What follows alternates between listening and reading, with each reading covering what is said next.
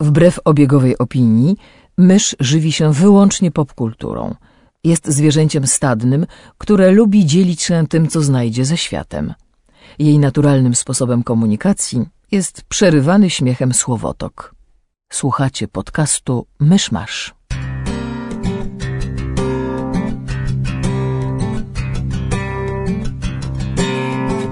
Gospodarzami podcastu Myszmasz są Krzysiek Seran, redaktor portalu Avalon. Kamil Borek ze studia Kobart. i Mysz, autorka bloga Mysza Mówi. Drodzy słuchacze, jest 6 lipca 2015 roku, 31. rocznica premiery Tetrisa. Zapraszam do 101 odcinka podcastu Myszmasz. Który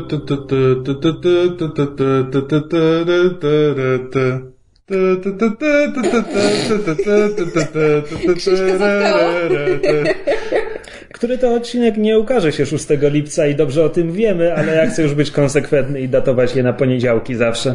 Ach, to wiem, może jeszcze... A to wszystko dlatego, że Krzysiek wrócił dopiero przed chwilą, dosłownie z Chorwacji.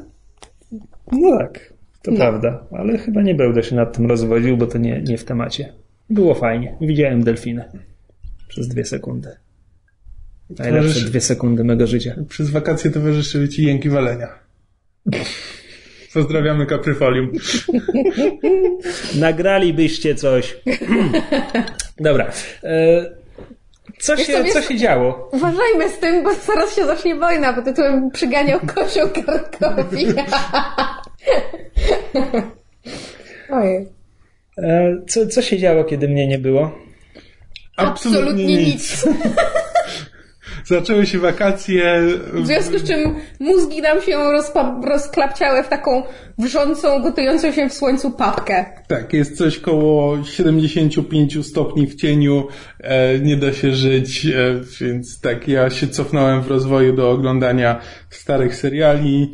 Przez ten tydzień nie widziałem nic, na szczęście nie nagrywaliśmy przez tydzień, więc trochę mi się zebrało z poprzedniego i to jest jedyne, co ratuje ten odcinek. No dobra, to wy, ale może, może na świecie ktoś coś zrobił, coś ciekawego. Nie mamy żadnych nowości do omówienia? I wouldn't know, bo przez tę falę gorąco nawet na Facebooka nie mam siły wchodzić. Czekaj, wiem.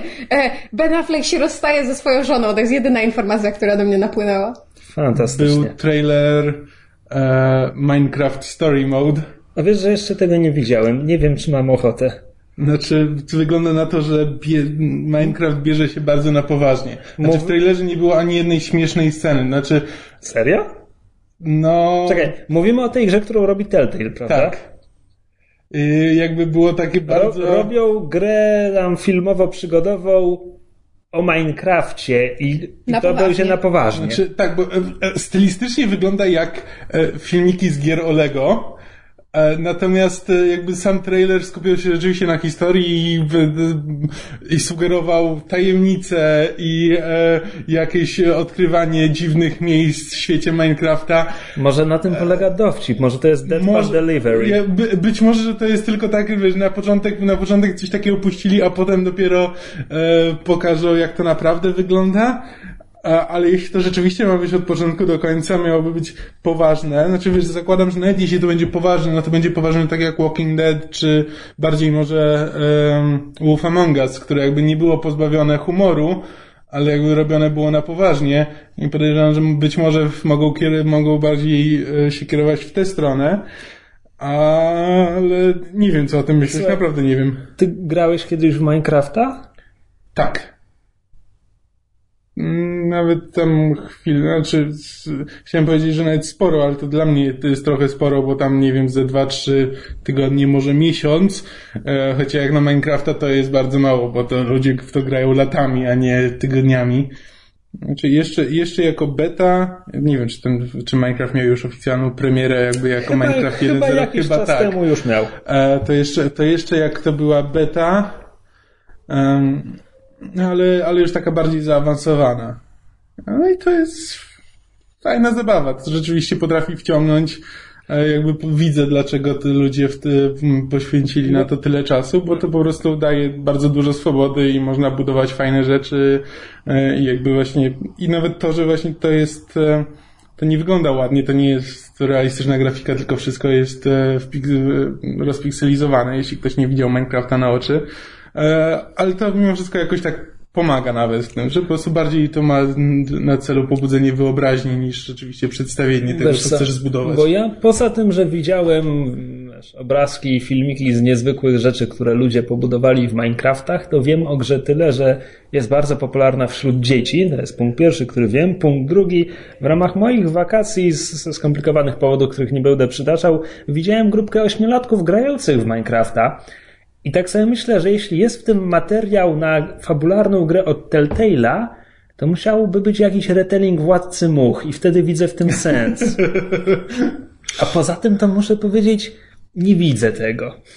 Znaczy, ja też nie widzę, jakby też trailer nie zapowiada, żeby to było cokolwiek typowo Minecraftowego. Znaczy, poza tym, że jakby pojawia się w ostatniej scenie, pojawia się portal do, jakkolwiek by się to nie nazywało, Nether, czy coś takiego, jest to jakby e, równoległy wymiar, czy coś takiego w Minecrafcie, w którym jest dużo potworów, a- ale też jakby ciężko jest tam przeżyć, ale można wydobyć cenne, cenne surowce i jakby można, można zbudować do tego portal i rzeczywiście w ostatniej scenie widać ten portal i to jest tak naprawdę, no i widać oczywiście te stwory, które się pojawiają w Minecrafcie, ale jakoś tak e, z samej, z samej fabuły to jakby to mogłoby być równie dobrze w świecie D&D i nikt by nie zauważył różnicy, czy, coś takiego, czy w jakimś takim może bardziej luźnym Lovecraftowskim stylu, coś takiego, bo jakiś, no właśnie jest kwestia tego, że coś skrywa, a też nie, bo to bardziej jest fantazja, która skrywa jakąś tam tajemnicę, ale chyba ludki są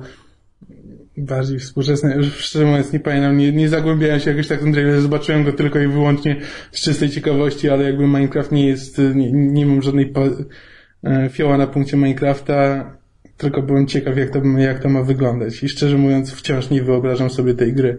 Ale no zobaczymy, może jakieś kolejne trailery trochę rozwieją wątpliwości. Ja właśnie nie jestem przekonany, czy zobaczymy. W sensie chyba nawet nie będzie mi się chciało spróbować. Znaczy, no biorąc pod uwagę, że już w tej tyle dawno nie grałem i nawet drugiego sezonu Walking Deadów nie skończyłem i Znaczy, po, nie samym, po, samym, po samej barwie głosu Kamila słychać ten entuzjazm myśl o Tak, Minecrafcie. Znaczy prawdopodobnie jeśli teraz e, wrócę do, tej, te, do Telltale'a, to, nas, y, to do Tales from the Borderlands. Szczególnie, że teraz zacząłem grać Borderlands y, znowu. Tak jakoś mógłbym sobie zobaczyć. Szczególnie, że mówiłeś, że są zabawne. Są zabawne. Trzeci epizod ukazał się chyba kiedy byłem na wyjeździe. Jeszcze, jeszcze, go, jeszcze w niego nie grałem. A tuż zanim pojechałem, ukazała się trzecia księga Dreamfall Chapters i też w nią jeszcze nie grałem, ale kto wie, może w następnym odcinku będę miał coś do powiedzenia na jeden lub drugi temat lub oba. No jeśli tylko jeden, to będzie to Dreamfall, nie ma bata. Natomiast jeszcze z nowości, to kiedy mnie nie było, Marvel wypuścił od cholery i ciut ciut zapowiedzi nie tyle nowych serii, po prostu na jesieni skończy się Secret Wars i Marvel potraktował to jako okazję, żeby zresetować numerację chyba wszystkiego, co wydaje i przy okazji pozmieniać tytuły z tych serii i ten, zrobić tę zabawę w trzy kubki, wymieniając scenarzystów między tytułami i w ogóle, i w ogóle.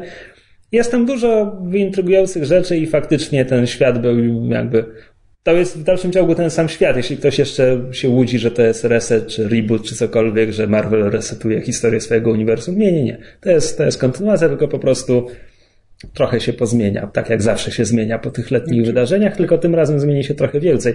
Zmierzam do tego. Taki soft reboot. Nie, nie, nie, nie nie, tak. nic. Nic. Roszada. Przerzucili parę postaci między światami, bo świat Ult- Ultimate się skończy i Miles Morales trafi do głównego świata. Wolverine wciąż będzie martwy, co nie przeszkodzi mu mieć dwóch osobnych serii. Czy to będzie tylko jeden świat już?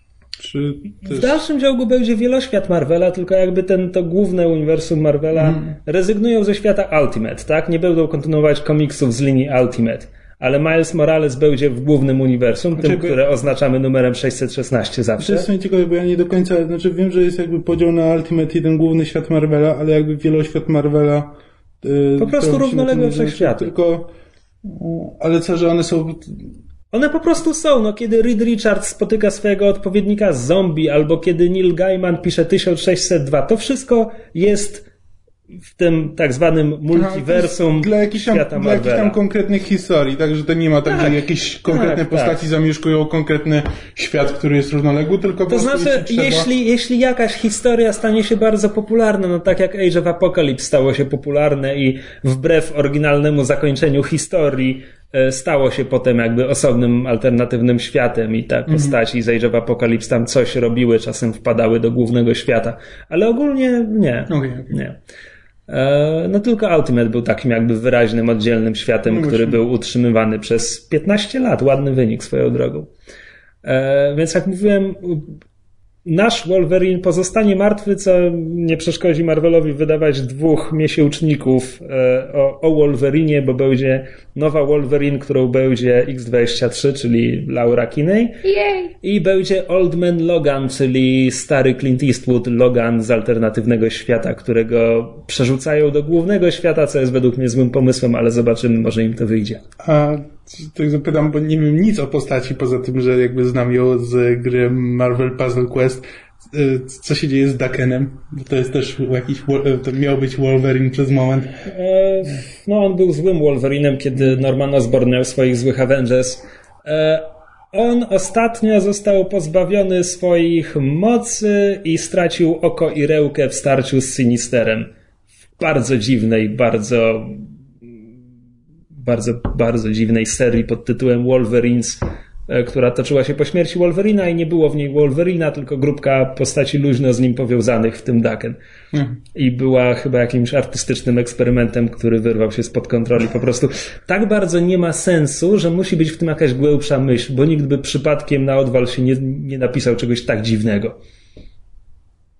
W każdym razie zmierzałem do czegoś z tym wszystkim. Tak, Gdzieś kiedyś. Jak my z naszym Słuchaj, życiem, no coś bo nie wyszło. Zanim, zanim mi zacząłeś przeszkadzać tymi, tymi mm, rzeczowymi pytaniami i w ogóle, to ja chciałem tylko powiedzieć, że z tych wszystkich zapowiedzi wynika jedna wielka rewelacja i jest to przełomowe odkrycie, mianowicie Marvel odkrył nowy przymiotnik i zacznie wydawać serię pod tytułem Extraordinary X-Men. A, myślałem, że te All New będą wszystkie. Nie, nie, nie, All New to pół roku temu zaczęło się. Dobra. O jest, dobra. To będą ekstraordynaryjni bohaterowie. Tak właśnie. Jeżeli kiedykolwiek dojdziemy do momentu, kiedy będzie Inconceivable X-Men, to po prostu party. No, w parę literek pozmieniać. Iron Man ma przymiotnik Invincible. Wystarczy trochę zamieszać. Inconceivable Iron Man. Nawet jest aliteracja. A no i oczywiście Hulk będzie miał serię pod tytułem The Totally Awesome Hulk. O Jezu, O Jezu. widziałem to, tak. To To dla wygląda tak strasznie. No, Nie wiadomo o co chodzi na razie. To, to wyglądało jak jakiś kompletny troll ze strony Marvela, bo to po prostu to, co, to, co zrobili przy zapowiedzi, to naprawdę wyglądało tragicznie, jakby jakby oczywiście przyka- ktoś przekazał swojemu synowi na jeden dzień kierownictwo Marvela i trochę się to wymknęło spod kontroli. No dobra, ale wystarczy o tym. To co teraz, skoro wystarczy już o tym? Dobrze, to zaczniemy od tematu, który był tematem tygodnia ze dwa tygodnie temu, a już trochę przycichło, e, mianowicie o serialu Sense8 produkcji Netflixa. E, To jest dziecko Wachowskich i Straczyńskiego, prawda? tak.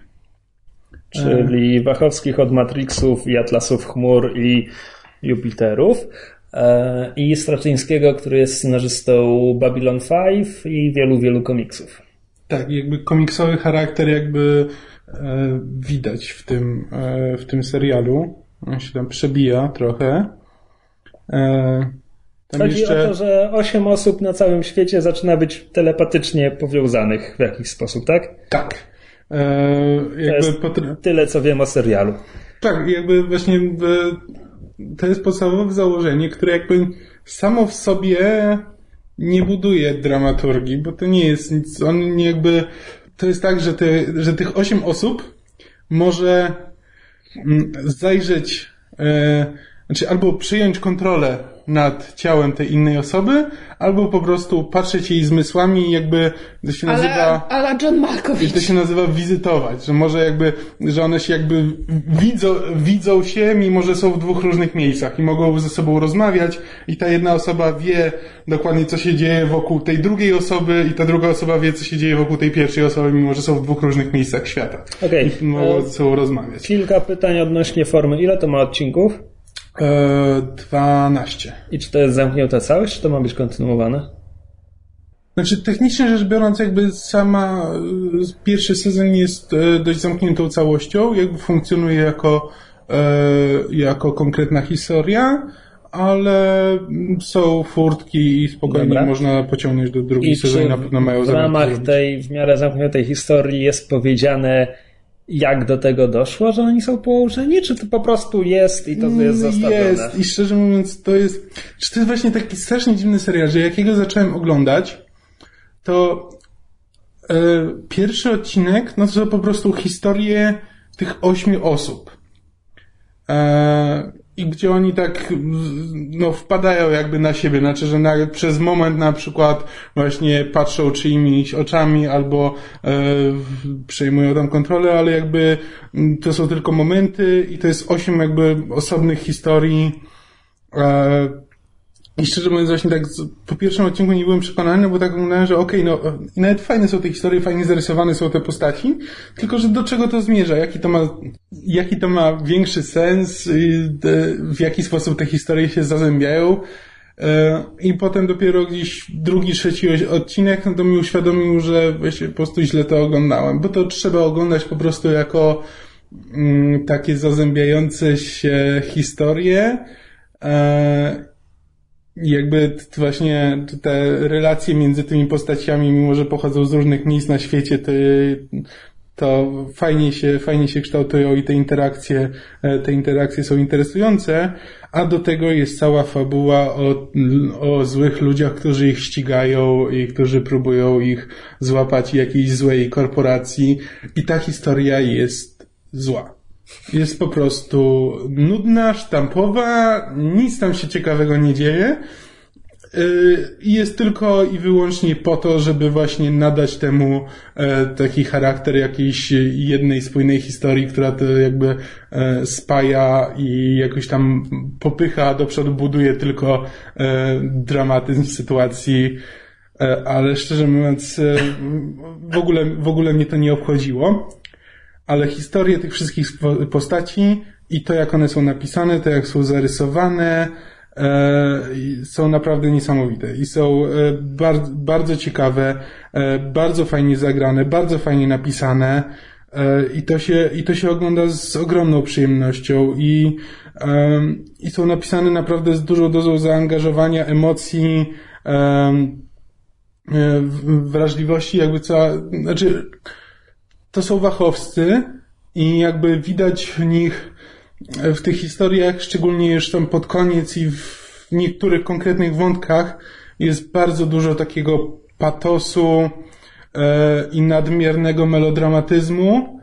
E, Jest tam jakiś Chrystus? Mm. Jeśli nie ma Chrystusa, to nie jest film Wachowskich. Znaczy, mam wrażenie, że e, to jest tak, że e, właśnie to, co mówiłem, że jakby przebija się taki komiksowy charakter, że to jest film, e, znaczy film, mm, serial. e, W dużej mierze właśnie Wachowskich, tylko Straczyński to wszystko trzymał w ryzach i nie pozwolił im za bardzo właśnie pójść w taki, w taki melodramatyzm, jak widzieliśmy w Jupiterze czy w dwóch ostatnich Matrixach, gdzie jakby to my się na mnie krzywo patrzyło, jak wspomniałem o Jupiterze, gdzie jakby e, Melodramatyzm, gdybym jakieś emocje zobaczył w Jupiterze. Nieważne. Znaczy, jeszcze jestem w stanie zrozumieć, że Jupiter został tak napisany specjalnie, że został napisany po prostu jako taka właśnie soap opera e, w kosmosie i to miało być takie melodramatyczne.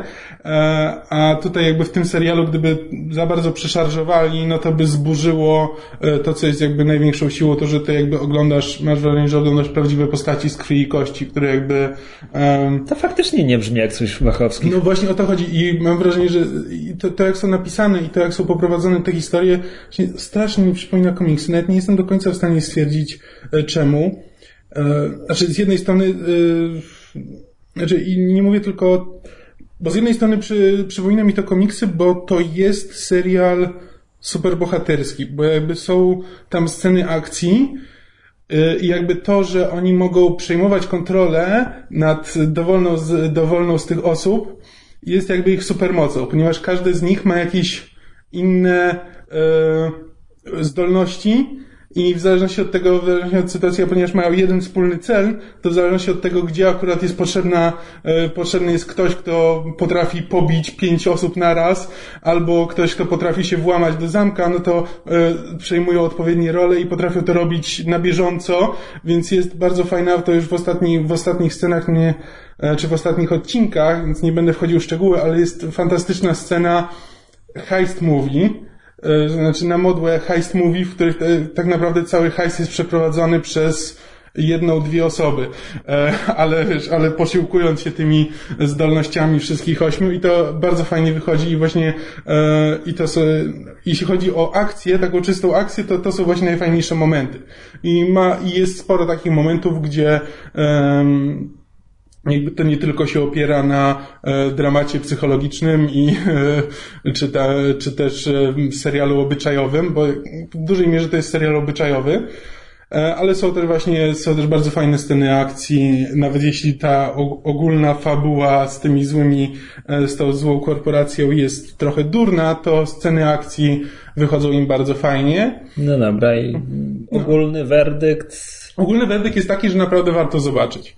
Znaczy, szczególnie właśnie jak ktoś oglądał, jak ktoś lubi takie e, zaangażowane telenowele, e, czyli tak jak to telenowelą nazywaliśmy Sześć stóp pod ziemią, gdzie to jakby cały serial no tak. się skupiał, że to po prostu był film, serial obyczajowy, e, jakby skupiał się tylko na perypetiach, perypetiach rodzinnych postaci i to było całe, i, te, i tak naprawdę cały ten serial się mniej więcej tak ogląda, jakby obserwują. Po, po, po, prostu życie, przynajmniej kiedy scenarzystom nie odbijała szajba, tak jak w odcinku z porywaczem. No i właśnie i dokładnie tak się ogląda Sensei, gdzie jakby przez większość czasu wiesz, już 70% fabuły to są po prostu perypetie postaci, ich zmagania z samym sobą i mamy na przykład y, aktora, aktora filmów akcji przystojnego, w którym kochają się wszystkie kobiety i wszyscy mężczyźni mu zazdroszczą, ale potajemnie jest gejem. I to są takie proste, niby proste historie, jakby on się, on musi się ukrywać z tym, że, z tym, że jest gejem.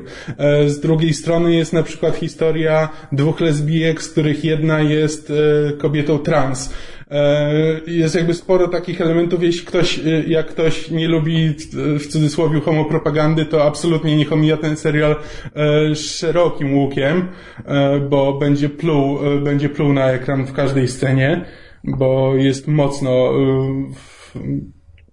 jest mocno tęczowy, tak to nazwijmy.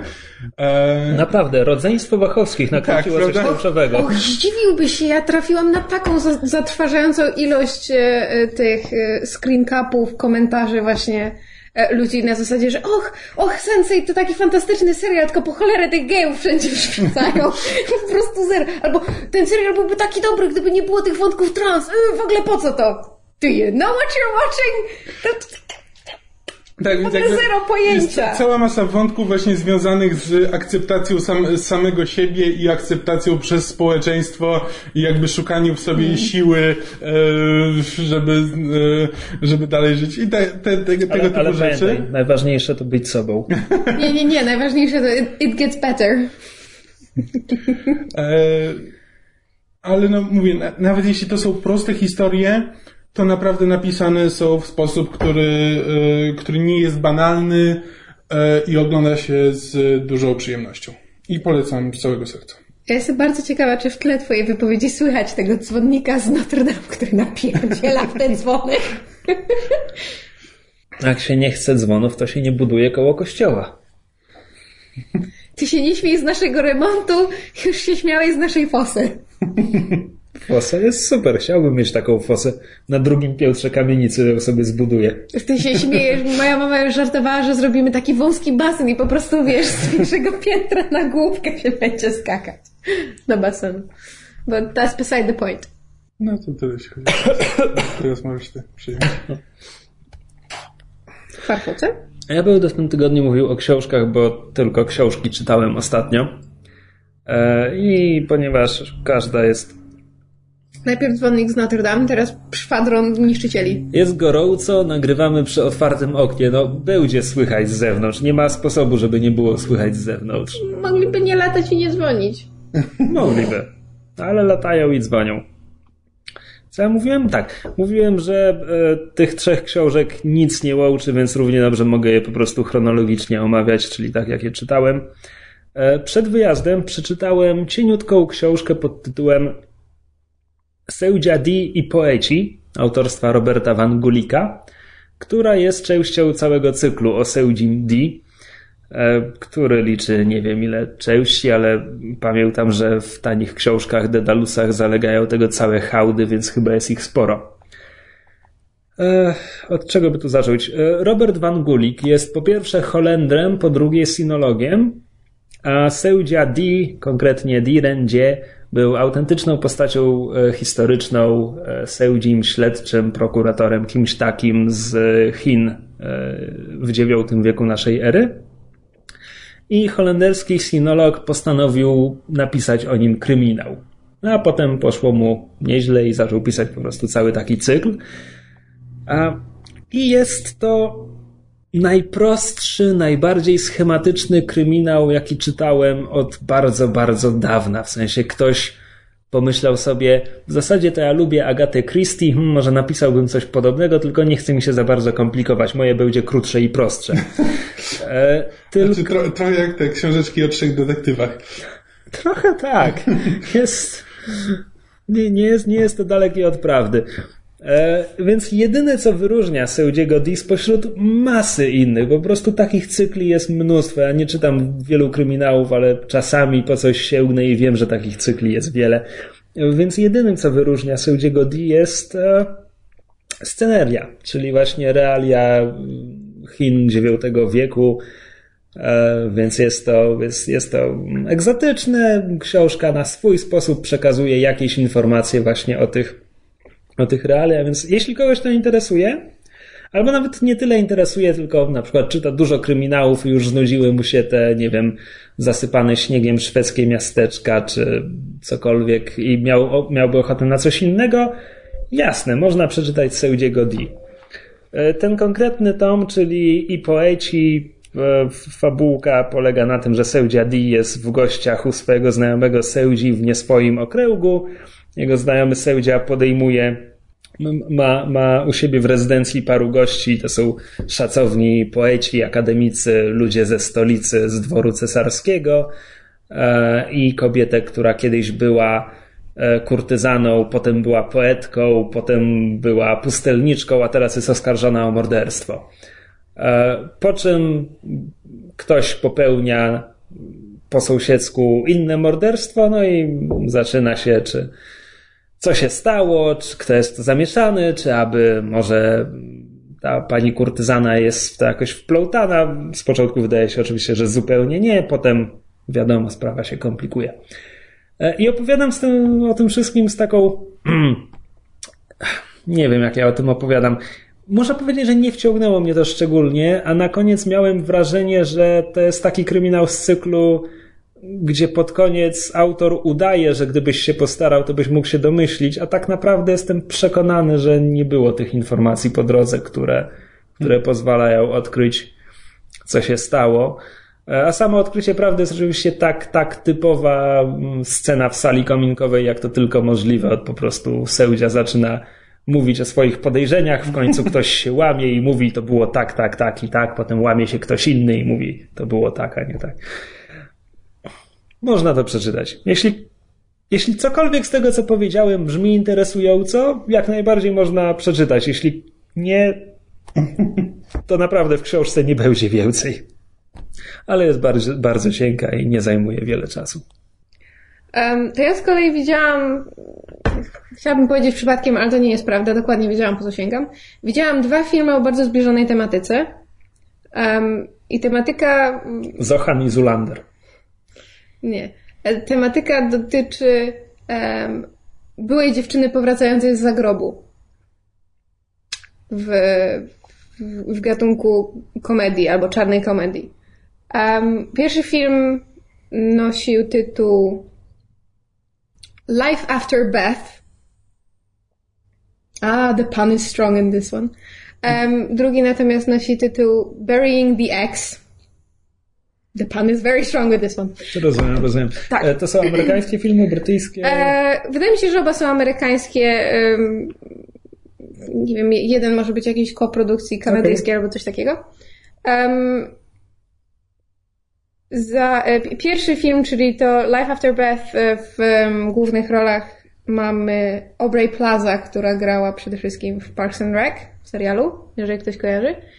Em, a w głównej roli męskiej, męskiej mamy, on jest Dane Dehan, tak? Dobrze pamiętam. W e, ostatnim. Spider-Manie, tak, grał, grał Goblinka. Chorowity goblinek. Chorowity Goblinek, tak. Em, I jakby mo- motyw jest taki, że, że, em, że oni się bardzo kochali. Oczywiście mieli jakieś tam problemy, ale on, on ją bardzo kochał i ona zginęła tragiczną śmiercią na, na samotnej przodce w górach, ugryzł ją wąż i umarła. Jakby film jest przeciwny, dlatego że film bardzo wyraźnie stara się być takim. Znaczy, mnie się to strasznie skojarzyło z początkiem Hot Fuzz. Gdzie Hot Fuzz się. e, Nie, nie Hot Fuzz, Boże. Shaun of the Dead. Też Edgara Wrighta, ale ten drugi. E, Czyli to pierwszy. jest ten pierwszy. Czyli Wysyp Żywych Trupów. Gdzie Wysyp Żywych Trupów zaczyna się jakby od takiego.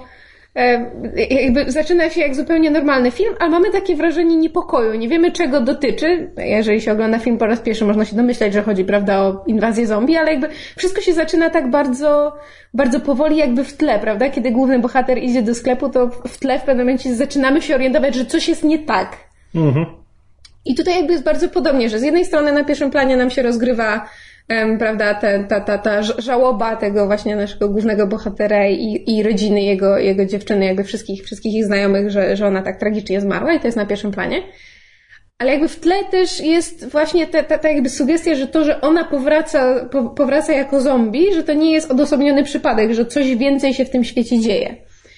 I to jest jakby fajne.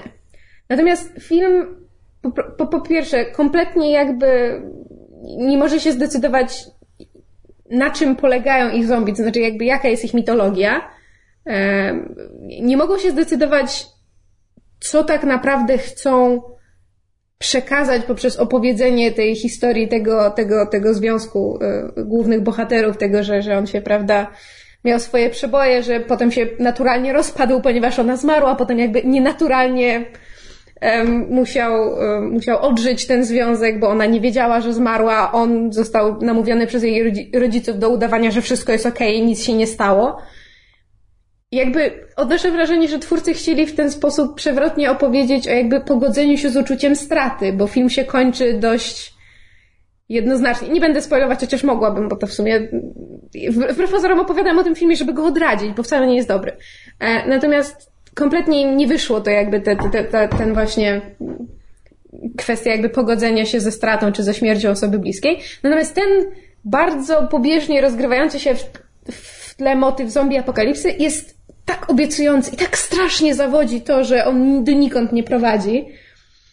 Em, drugi z kolei film, e, czyli to Burying the Ex. W głównych rolach mamy Ashley Green, e, jeżeli ktoś kojarzy ekranizację Twilightu. Ona tam grała. Um, a w głównej roli męskiej gra Anton Jelczyn, czyli Czekov ze Czekov, Star Treka Czekov z nowego Star Treka, tak. I can do that, I can do that. Um, jakby do, do, do Jelczyna nie mam żadnych zastrzeżeń, on jest dobrym aktorem, próbował ugrać co umiał. Um, natomiast ten film był już tak Przepraszam, a jakiś skrót fabuły tego drugiego filmu? Już, właśnie do tego próbuję dotrzeć. Um, chłopak i dziewczyna, on taki trochę, trochę nerd, interesujący się przede wszystkim em, starymi horrorami typu, prawda, ze studia Hammera i, i, i tak dalej. Pracuje w sklepie z, w, Los Angeles, w sklepie z em, strasznymi gadżetami, czyli właśnie, prawda, taki, taki około halloweenowy sklep, tylko że działający przez cały rok, which makes no sense, ale nieważne. To Hollywood.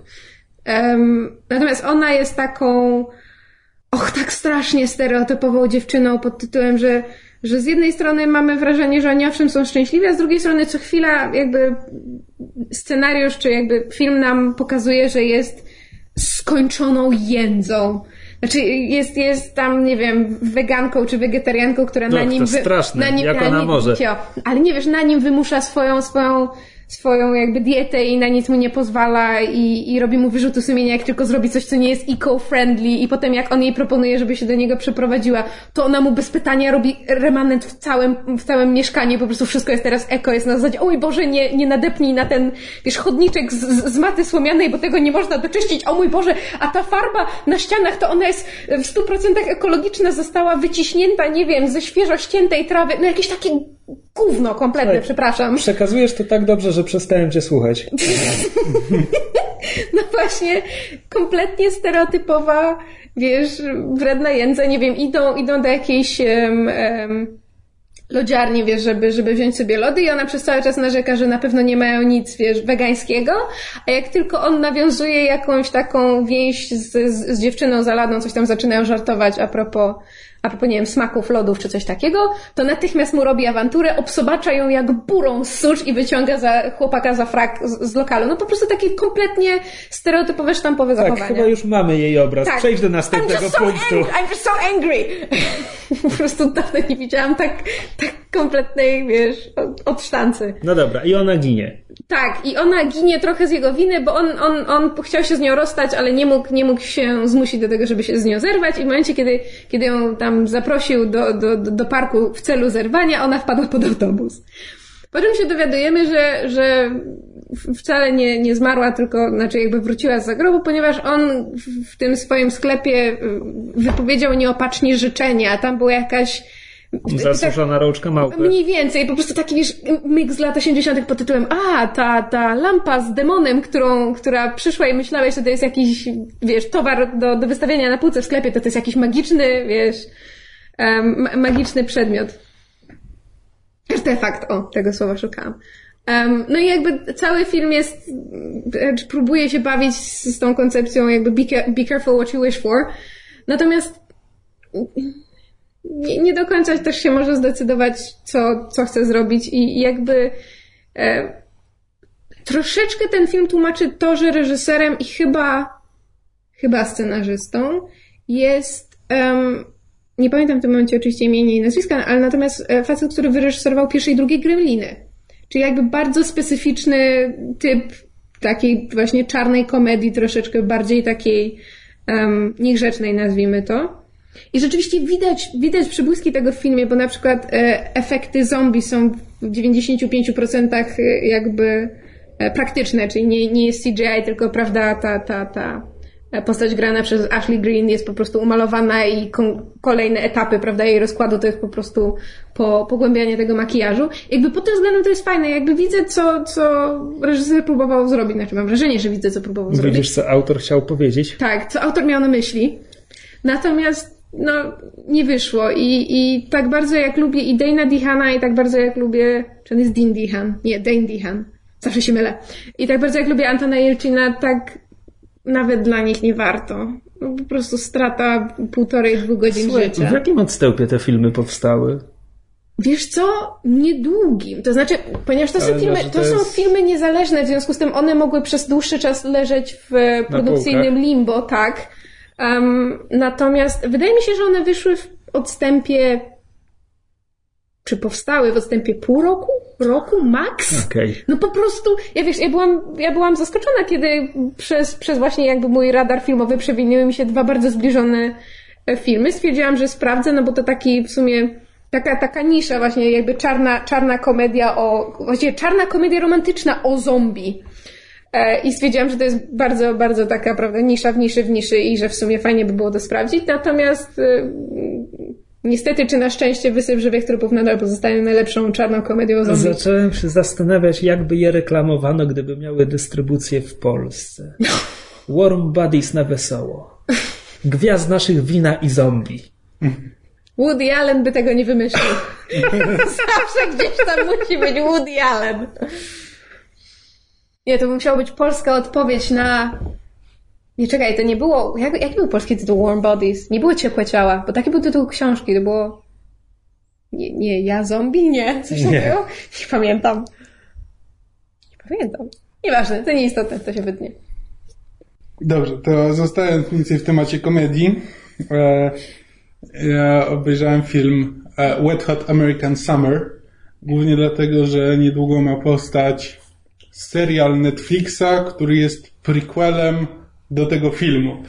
Tak, i E. film jest, zacznijmy może tego, że film jest bardzo specyficzny, bo on w kinach był, miał fatalne wyniki, ale potem stał się kultowy, e, że tak powiem, na, na nośnikach. Czekaj, ale to jest to chłopaku, co się zatrudnia w akwaparku na wakacje? Nie, nie, nie, nie. Nie, dobrze, Coś się pokisłało. Nie, to jest film z 2001 roku i e, A, okej, to nie. e, jakby jak na te czasy, znaczy wtedy miał e, jakby nowe twarze komedii i nowe, nowe talenty dobrze zapowiadający Czekaj, czekaj, się czekaj. aktorzy. Kto był nową twarzą komedii 14 Zaraz lat do tego temu? dojdziemy. Znaczy mamy tak, Janine Garofalo, e, Przepraszam, kto? Janine Garofalo. Janine Garofalo. E, no. Jakbyś zobaczył twarz, to byś Tak. skojarzył. Mm, Okej, David Hyde Pierce to nie można powiedzieć, on jest e, z Frasera, e, że to był nowy wtedy.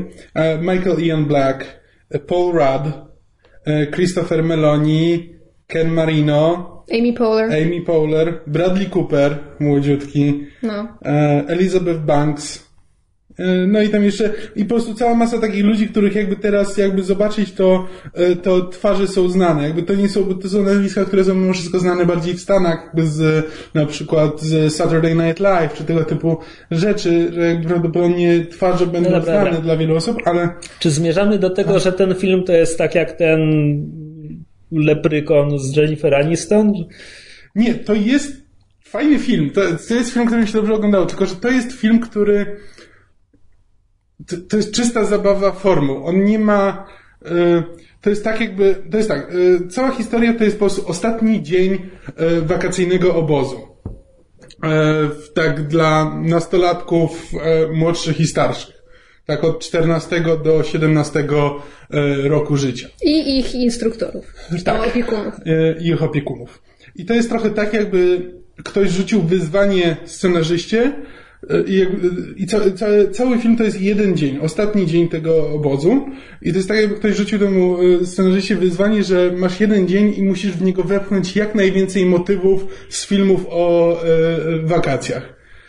E, i trochę to wszystko sprawia takie wrażenie, jakby ludzie na planie się po prostu bawili, improwizowali, wymyślali na bieżąco, bo tam nie ma fabuły. Tam się po prostu potrafi w trzecim akcie pojawić nagle wątek, e, który z, znikąd się nie bierze i który w dodatku jest historią miłosną kobiety, która musi odrzucać awanse w mężczyzny, który nagle się pojawia znikąd i który najwyraźniej był jej był jej chłopakiem, który musiał się nad nią znęcać i jakby był patologicznym chłopakiem, ale ona teraz znalazła sobie nową miłość, którą jest 14-letni chłopiec.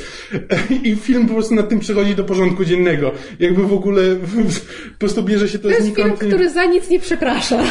Tak, jakby e, e, jest historia, e, jakby całość, a całość się jeszcze dzieje w latach 80. E, więc... W związku z tym mamy cudowne kostiumy i fryzury i całą taką estetykę lat 80. Tak, i mamy Christophera Meloni, który gra weterana z Wietnamu, który e, musi te, też przejść do porządku dzien, dziennego nad swoimi dziwnymi fetyszami, e, które z jakiegoś powodu są e, jakby konsekwencją jego pobytu w Wietnamie. E, I tego typu, to są niesamowicie dziwne rzeczy i to brzmi absolutnie... E, durnie. Durnie, tak a mimo wszystko jest to napisane e, z taką czystą radością jakby e, wiele z tych historii to jest e, jakby budują konflikt, którego później nie ma. Na, przy- na przykład jest zakazana gejowska miłość, gdzie jakby co, widać, że w tajemnicy... Oj, w komedii z 2001 roku. I No wa- no właśnie, wydawałoby tak, się. Gdzie w tajemnicy właśnie e, dwóch bohaterów, w tym właśnie Bradley Cooper, e, e, ich, ich koledzy, koledzy jednego z nich próbują e, próbują sprawić, żeby stracił dziewictwo i próbują go ustawić tam e, z jakąś dziewczyną, ale potem się dowiadują, e, dowiadują, że jednak ma chłopaka i, I też przechodzą na tym do porządku dziennego i cieszą się ich, i cieszą się ich szczęściem. Jakby to się buduje cały czas do tego, że teraz będzie, teraz będzie konflikt i że oni się zorientują i co, i, i nic się z tym nie dzieje. I po prostu film to ucina na zasadzie, że aha, okej, fajnie, no to cieszymy się razem z wami. I po prostu, i tak się ten film buduje, że po prostu, e, znajduje jakiś motyw, który jest znany, i potem się nim bawi w jakiś tam sposób. Albo właśnie w ten sposób, że po prostu trzyma się go bardzo kurczowo, trzyma się tego, trzyma się tego motywu, który znamy z innych, tysiąca innych filmów o wakacjach, albo wręcz przeciwnie, wywraca go na, wywraca go na drugą stronę i to, że właśnie to nie jest zawsze, zawsze wywrócenie znanego schematu, to jakby sprawia, że nie wiesz czego się spodziewać, że właściwie nie wiesz co się w tym momencie stanie. E, jest to bardzo specyficzny film. Ja tak. pierwszy raz jak obejrzałam, nie wiedziałam do czego usiadłam A, i nie wiedziałam... ty to znasz. Oczywiście. Nie, bo tak siedzisz cicho i pozwalasz, że No bo Kamil... Kamil go widział stosunkowo niedawno. Ja go widziałam parę lat temu. Aha. Mniej więcej... Nieistotne. Pięć... Nadal Ka- nieistotne. kawał, kawał czasu temu. Wciąż nieistotne. Sam jesteś nieistotny. Wiem. Chociaż w sumie nie, bo jak siebie nie było, to nie nagraliśmy odcinka. Aha. No i, e, i to jest mniej więcej tak, e, bo są takie filmy, gdzie mm, jakby głównym założeniem jest to, że teraz bierzemy właśnie ludzi, którzy mają talent komediowy, na przykład tam teraz często powstają filmy, które po prostu biorą ludzi z Saturday Night Live i i bawią się po prostu jakimś tam schematem, dają główny temat i A później jak sobie... amerykańska kultura poszła do przodu przez te 30 lat ostatnich. No i te... E... Zawsze to robiliśmy. No i... Śmy? Śmy. My jako ludzie. My Amerykanie. Off. Wczoraj było święto niepodległości. Uhu! Zdrajcy korony brytyjskiej. Tak, i to, i to rzeczywiście sprawia taki rodzaj właśnie, że wygląda jak film z wczesnych lat 90. i bawi się tymi motywami, które jakby pojawiały się w tych filmach, ale robi to w sposób bardzo zabawny, bardzo ciepły, jest zagrany właśnie w bardzo fajny sposób i często przysadzony. Na przykład Paul Rudd gra, zresztą po raz pierwszy usłyszałem o tym filmie właśnie z listy na Cracked, jakby właśnie, która mówiła o występach, które są absolutnie niezastąpione w filmach komediowych, bo Paul Rudd gra po prostu takiego archetypicznego złego chłopaka, który ma, ma dziewczynę, ale ją zdradza na lewo i prawo i jakby wszystkie dziewczyny w obozie się nim, w nim kochają. I on jakby, tylko że on to gra w tak w tak koszmarnie przesadzony sposób, ale tak urokliwy, że rzeczywiście jest, że rzeczywiście e, trochę go nienawidzisz, ale, ale trochę uwielbiasz i to jest właśnie, i to jest w sumie to, to na czym Polrad wyrósł, gdzie jakby ludzie go z jednej strony, z jednej strony mało kto go tak naprawdę lubi, ale też trudno mu odmówić uroku. Wciąż żyję w przekonaniu, że nie widziałem żadnego filmu z Polem Radem. Hmm, Antman za tydzień czy dwa. Tydzień? Nie, dwa. Fuck. Nie, w każdym razie jestem bardzo ciekaw, bo też mówię, chciałem to zobaczyć, bo Netflix będzie wypuszczał No serial na podstawie, więc na pewno go obejrzę. I co, i serial Myślę, Netflixa że- to będą te dni przed ostatnim dniem tego lata? Nie, nie? serial się nazywa Pierwszy dzień e, lata. A. czy tam obozu. Okej. E, First Day of Camp chyba. Tak, pierwszy E, obozu.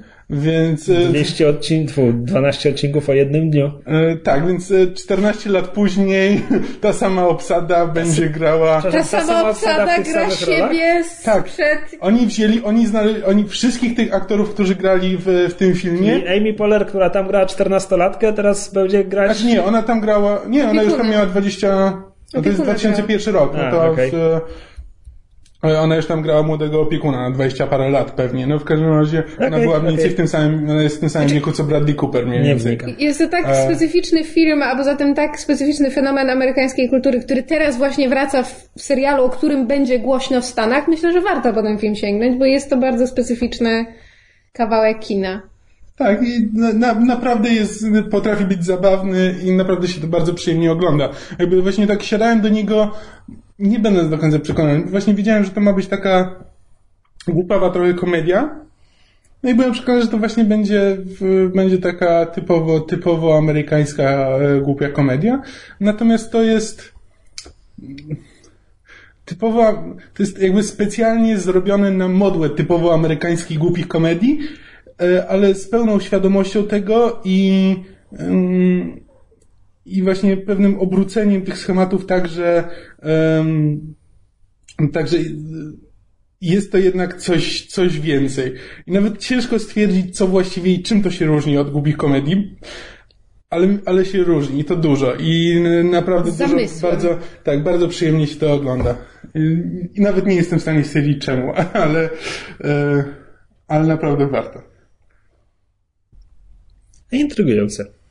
Przechodząc do mojej drugiej książki, to jest już wyjazdowa, e, miałem ogromną ochotę wrócić do czegoś, co już znam i lubię. I sięgnąłem po straszną Terego Pratchetta którą znam i lubię jest to moja ulubiona część cyklu.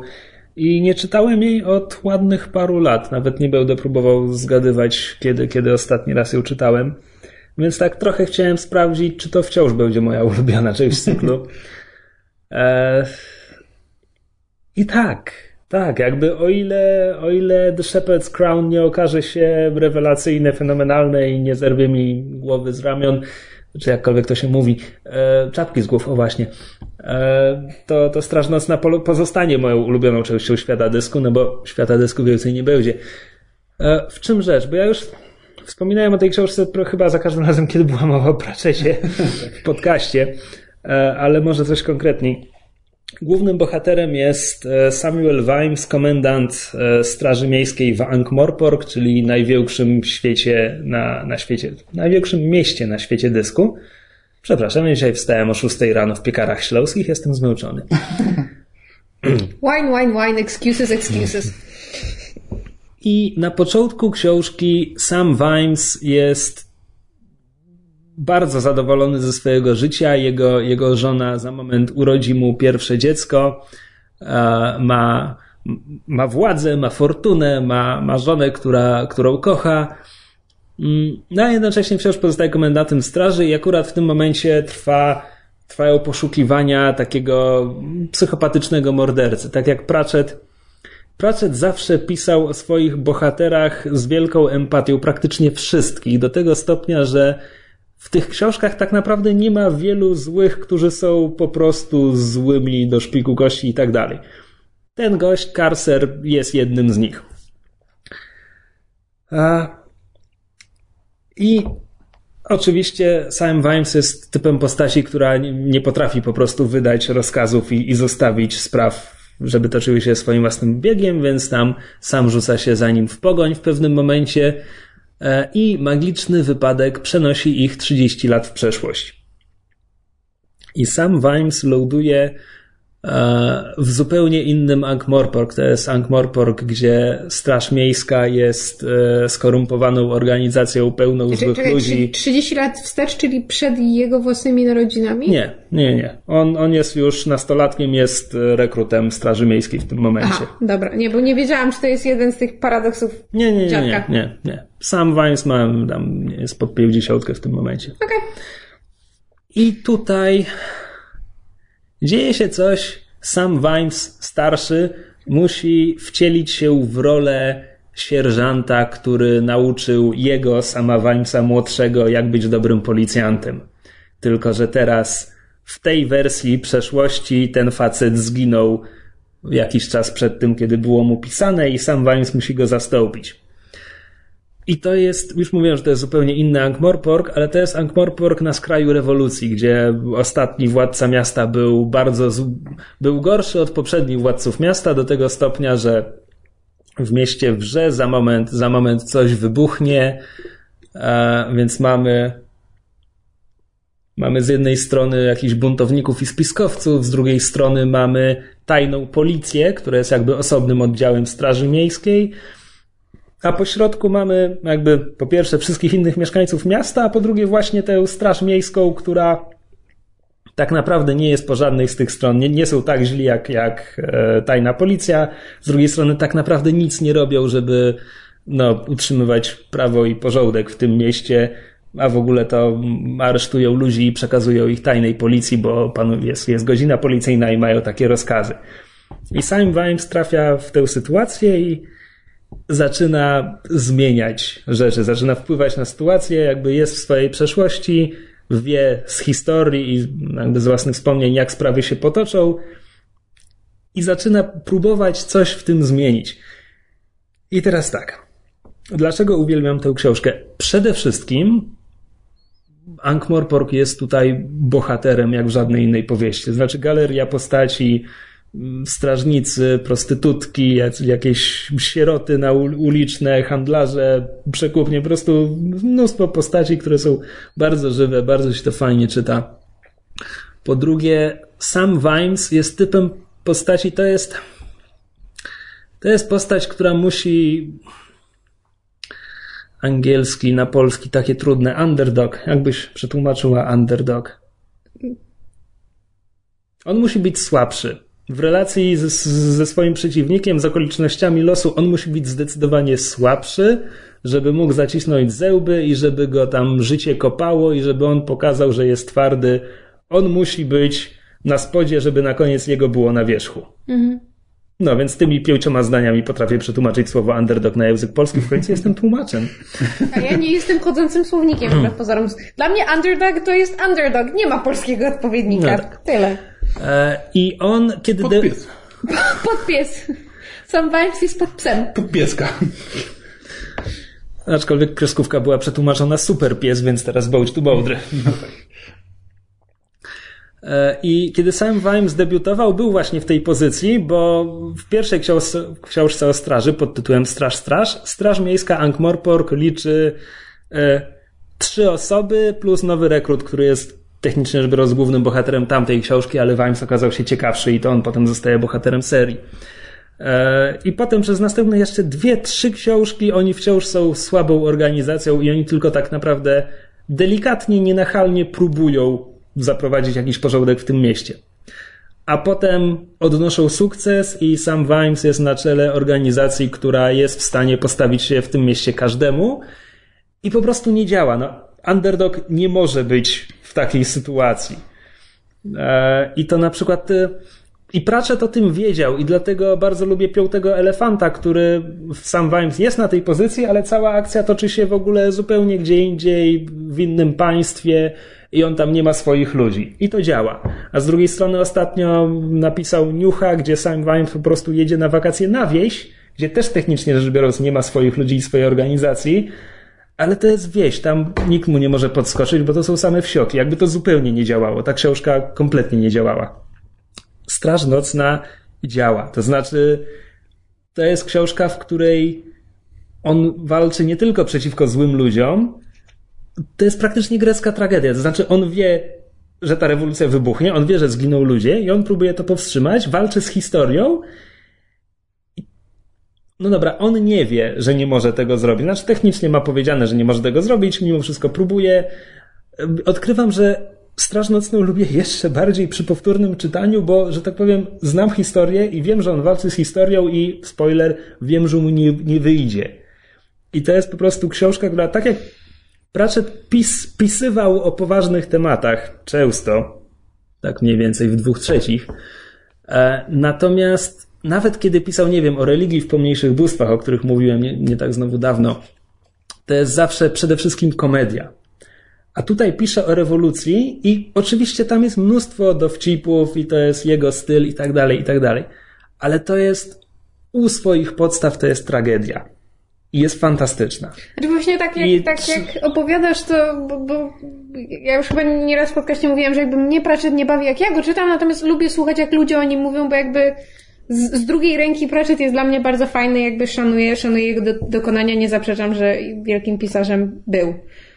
Natomiast tak jak opowiadałeś na przykład o pełniejszych bóstwach albo o, o tym, y, które nawiązuje do upiora w operze. E, Coś... Maskarada. Maskarada, o, właśnie. Jakby jak o tym opowiadałeś, to to było coś, co, wiesz, jakiś taki mały głosik z tyłu głowy mówił, a może jednak spróbujesz. Ale jak opowiadasz o tej Straży Nocnej, tak się zastanawiam, dlaczego do mnie to w ogóle nie przemawia. To znaczy, najchętniej bym po prostu się położyła tutaj na stole i zasnęła. Jak powiedziałeś o, o greckiej tragedii, to mnie właśnie od, od, od, ten, otworzyło klapkę w mózgu. Jeżeli jest coś, czego ja w popkulturze nie cierpię, to jest właśnie motyw, znaczy motyw ala, ala grecka tragedia pod tytułem, wiesz, jak, jest... jak, jak y, kompleks ten, znaczy nie jak kompleks Edypa, tylko jak, jak tragedia Edypa, to znaczy an exercise in futility. Po prostu Ale... wszyscy wiemy, że, że mu się nie uda, a on i tak próbuje. And it, to mnie boli. Dobra. To mnie frustruje po prostu. Znaczy, ja, ja, Strukturalnie to Ja jest grecka rozumiem. tragedia, nie, nie tematycznie. ja rozumiem, Nie, ale jakby... On odnosi sukces. On, on przegrywa, ale odnosi No sukces. to ja rozumiem, no nie udało mi się tak jakby chciał, ale jego było na wierzchu, no tak. Ale jakby...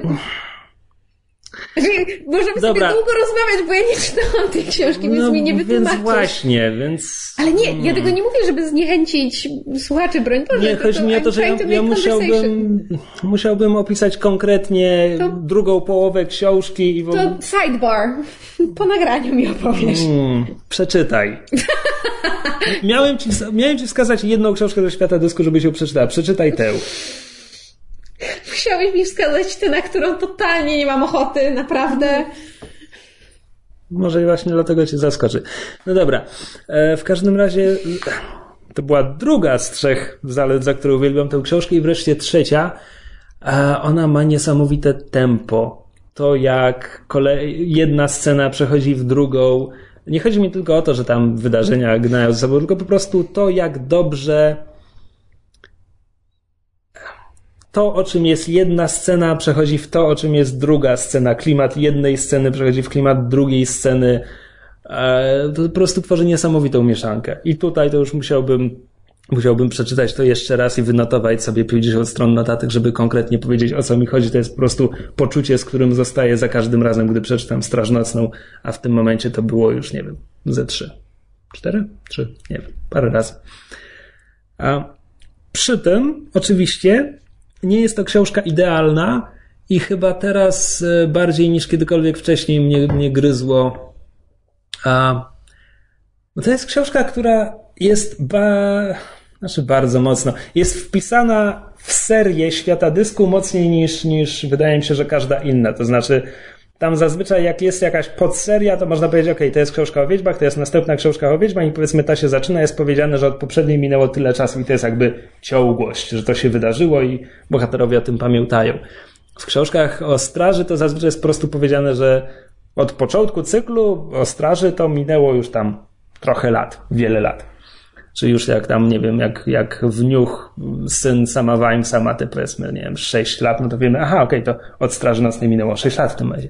Natomiast Straż Nocna po pierwsze jest taka mikroskopijna wzmianka o konflikcie, który wybuchł gdzieś daleko w państewkach, o których nikt w Ankh-Morpork nie słyszał e, i ta wojna jest podstawą następnej części cyklu Potwornego Regimentu. To jest jakby malutka wzmianka. Natomiast poprzednia część cyklu to jest um, Złodziej Czasu, który jest o czasie i o mnichach historii, którzy są e, mistrzami kung fu, którzy zawiadują czasem w świecie. To jest też, że tak powiem, bardzo praczetowa książka. E, Tylko, że w Złodzieju Czasu dzieje się coś, że czas na moment się zatrzymuje, pełka, a potem zostaje poskładany na kawałki. To jest opisane odrobinę lepiej, ale nie ma wiele więcej sensu. I to, że sam Vimes w Straży Nocnej cofa się w czasie, jest jakby konsekwencją tego, co wydarzyło się w Złodzieju Czasu. I teraz tak. Pratchett spełza może nie bardzo dużo, ale jednak sporo miejsca z, zabiera mu wyjaśnienie. W straży, no- w straży Nocnej niestety są mnisi historii, którzy pasują do tej powieści jak pięść do nosa. I oni wyjaśniają Vimesowi, okej, stało się to i to, a przy tym mówią to wszystko tak bardzo ogólnikowo, żeby nie powiedzieć, bo wiesz, w poprzedniej książce było to i to, tylko tak ogólnikowo. No było coś takiego i mamy problem z czasem i konsekwencje.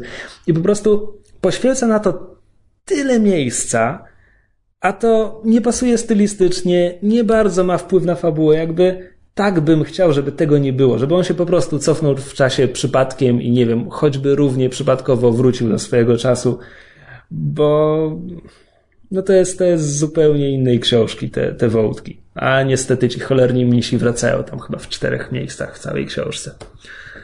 E, więc to mi nie pasuje.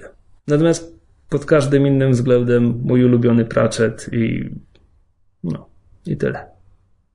Dobrze, to e, ja mogę jeszcze opowiedzieć o pilocie, a mianowicie serialu Killjoys.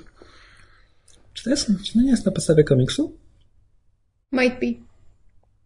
Prawdę mówiąc nie wiem. Teraz mi zabiłeś cieka, bo... Okej, nieważne. Znaczy, E, albo komiksy, albo książki. Co a może... Mm, Może myślę o czymś innym. nie wiem, być może serial opowiada o łowcach nagród. o trzyosobowej drużynie w kosmosie. To jest serial e, stacji sci-fi. A, kojarzę, to IO9 bodajże podsumowało, że to space opera, na którą czekaliśmy od Firefly? Tak entuzjastyczne nagłówki widziałem. Wszyscy, wszyscy porównują do Firefly. No właśnie. To jest trochę tak, że ja jako fan Firefly'a to się czuję trochę jak, oglądając ten serial się czuję jak wdowiec, który znalazł, Mów dalej. znalazł następną, e, następną ukochaną, ale I'm sitting right here. która e, Nie wiesz, co mu chodzi po głowie. Czy znalazł następną ukochaną i, i jest piękna i, i fajna, ale nie może jej przestać porównywać do tej swojej pierwszej miłości, mimo że nie powinien, bo ma własne zalety i jakby To jak, zupełnie... Pi- to jak Peter Parker z Mary Jane. Tak, jakby zupełnie, e, to jest zupełnie inna osoba, zupełnie nowa osoba, ma własne zalety, własne wady, ale mimo wszystko brakuje ci zarówno tych zalet, zarówno tych wad, które, które wcześniej znalazłeś. Nie możesz przestać porównywać, mimo że tak naprawdę wiesz, że nie powinieneś. E, I to, to przez cały po prostu serial, przez cały ten odcinek mi towarzyszyło, że to nie jest Firefly. Ja nie powinienem tego porównywać do Firefly'a, bo to jest zupełnie inny gatunek, to jest zupełnie No, to inna jest kanadyjskie. I w- podejrzewam, że połowa seriali sci-fi jest kanadyjska po to, żeby ciąć po kosztach. A, prawda, Kanada jest tania. E, I, I to jest bardzo fajny serial. But it's not Firefly. Tak. Znaczy, no, obejrzałem tylko pierwszy, pierwszy odcinek. Przepraszam E, bardzo, bo właśnie próbuję znaleźć, czy to jest na podstawie komiksu i widzę, że w serialu występuje Aaron Ashmore. Czy to jest bliźniak Shona Ashmore, Tak. czy to jest inny Ashmore? To jest Tak, to jest ten, bliźniak. ten Ashmore, I Iceman. on naprawdę wygląda zupełnie jak Iceman? Tak. Tak. No No, proszę. oni są... Ja ich nie jestem w stanie odróżnić. Znaczy, tak jak zazwyczaj, cele, jeśli chodzi o celebryckich, celebryckie bliźnięta, to da się jakoś tam odróżnić, to właśnie w przypadku, że tak powiem, bra braci Icemanów nie jestem w stanie odróżnić. A przecież oni nawet w paru odcinkach Fringe wystąpili razem i byli obok siebie. Równie dobrze po prostu mogli, wiesz, te, tego samego aktora przekleić, bym się nie zorientowała. Bardzo są podobni. No tak, i jakby serial ma swoje wady, bo trochę Bo to sci-fi. Znaczy, trochę jest przefajnowany, no bo mamy trzech bohaterów, z których tak, jeden jest zabawnym, ale twardym e, facetem, drugi jest tajemniczym, ale twardym facetem, a trzecia to jest seksowna, ale twarda przywódczyni całej tej grupy. E, Wow. I to jest mniej więcej Jakie zakres... to oryginalne. Tak, to jest mniej więcej zakres osobowości, e, co jakby wiesz, porównując z, z Fireflyem, No, ale, ale Firefly miał więcej postaci, więc... tak, no tylko, że one były właśnie, one były cieka- one były ludzkie, one były bardziej, one były ciekawsze tam jakby nie, owszem, no były te postacie, była właśnie Zoe, która była twardą, twardą i seksowną wojowniczką, no ale też był e, Wash, który, no owszem, był doskonałym pilotem, ale był, e, ale był miękką pipą, no. ale, ale, ale nadrabiał to jakby innymi zdolnościami, innymi talentami, e, urokiem osobistym i tak dalej. A tutaj jakby wszystko, mm, wszystko jakby tak ciągnie do jednego, do jednej strony spektrum. E, no i też jakby, no to nie jest ten poziom, e, ten poziom pisania, c- który przejawia Joss Whedon. Jakby tam nie ma aż tak, tak zapadających w pamięć dialogów. No owszem, Sporadycznie przejawia. co? Skąd się ostatnio wziął ten cały hejt na Widona? Po Avengersach, gdzie bym nie widziała nazwiska Widona, to wszyscy do niego podchodzą nagle jak do zgniłego jaja. Kiedyś to był w ogóle ł- łaskawca i, i, i, Znaczy, i, i ten... Ja tutaj mówię tylko, jakby mówię tylko o dialogach. Jakby Okej. już nie mówię o y, y, scenariuszu y, jakby jako historii, tylko mówię o dialogach. Jakby tego nie jestem w stanie, jakby jestem w stanie Jasne, jasne. zobaczyć, że ktoś się przyczepia do scenariuszu, ale dialogi, dialogi zawsze były zabawne. E, no tutaj, tutaj są takie... Wiesz, co się dzieje z żabą trafioną przez piorun? Joss Whedon, ladies and gentlemen. E, w każdym razie, skoro już ci przerwałem, czy mogę ci przerwać bardziej? E, bo ten komiks, z którym mi się miesza, ma, nosi tytuł The True Lives of the Fabulous Killjoys i nie ma nic wspólnego z serialem. Ja go nigdy nie czytałem, ale teraz widzę, że występują w nim postacie takie jak The Girl, Dr. Death Defying oraz Cherry Cola. Chcę, Okay. chcę to przeczytać. I jest to, uważaj, według Wikipedii żanra, gatunek. e, Post, przepraszam, post-apocalyptic adventure drama coming of age. Wow. The True Lives of the Fabulous Killjoys. Sounds like something I would read. Muszę to przeczytać. No, więc Killjoys e, serial Nie ma z nimi nic nie ma wspólnego. z nim nic wspólnego i nie da się go zawrzeć w tylu słowach, czy nie da się zawrzeć gatunku, bo to jest space opera o łowcach nagród. I to jest, i to od razu mówi wszystko o tym serialu i jesteś w stanie go sobie wyobrazić od początku, od początku do końca i jakby trzyma się tego e, bardzo twardo. Jakby No nie zaskoczy cię z strukturą lub formułą. A czy miałoby sens porównywanie go nie z Fireflyem, a na przykład z Cowboy Bebopem? Wiesz co, ja Cowboy Bebopa oglądałem wiele lat temu i to nie do końca. E, Nie skończyłeś Cowboy Bebopa? Nie. Niewiarygodne. Firefly'a widziałeś cztery razy. Jak mogłeś nie skończyć nigdy Cowboy Bebopa? Wiesz co, to był już moment, kiedy y, umierała moja miłość do, do japońskich animacji jakoś. Nie wiem. E, No nic. ale nie, nie. Czy wydaje mi się, że mimo wszystko Cowboy Bebop był znacznie bardziej. Znaczy, jakby próbował robić coś więcej niż być tylko fajną space operą i jakby fajnym widowiskiem. Mm, Tylko miał, stała za tym jakaś myśl, jakaś formuła. em, A co, w Killjoyach po prostu strzelają się w kosmosie? No wiesz, no na razie jeden znaczy, odcinek, więc... Znaczy, no mówię, no tak, no to jakby nie, nie, chcę, nie chcę od razu oceniać całego serialu, ale no z tego, z tego co widzę, to jakby serial nie próbuje ci niczym zaskoczyć. To jakby to nie, nie mówię tego jako wadę, to jest, to jest po prostu, to jest space opera, po prostu pełną gębą. E, I to, I to próbuje robić. Jakby jest chce być po prostu, to jest serial akcji, który no, chce mieć fajne, fajne postaci, fajny świat, e, nie najgorsze efekty specjalne rzeczywiście e, i ma się, go, ma się go po prostu przyjemnie oglądać. Myślę, że jakby pod tym względem jak najbardziej to jest pełen sukces.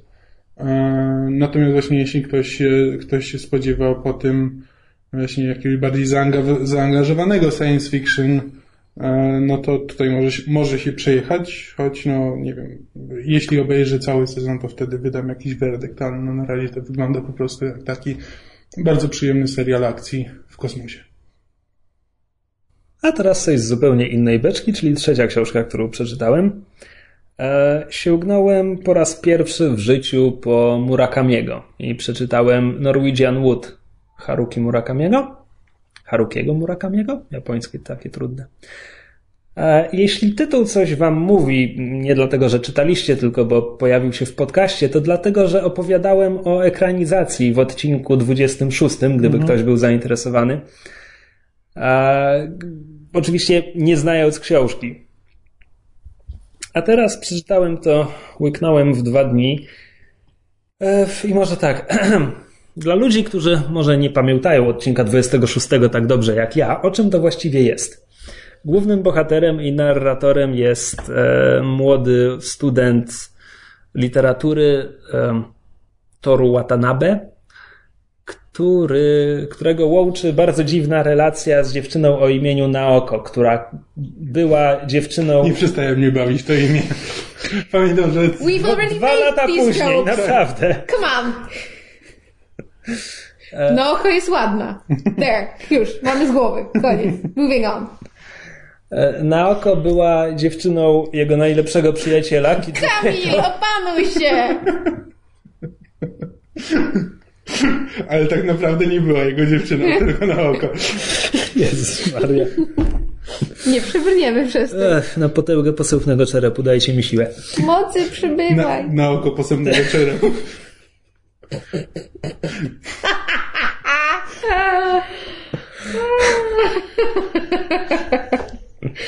Tytuł odcinka.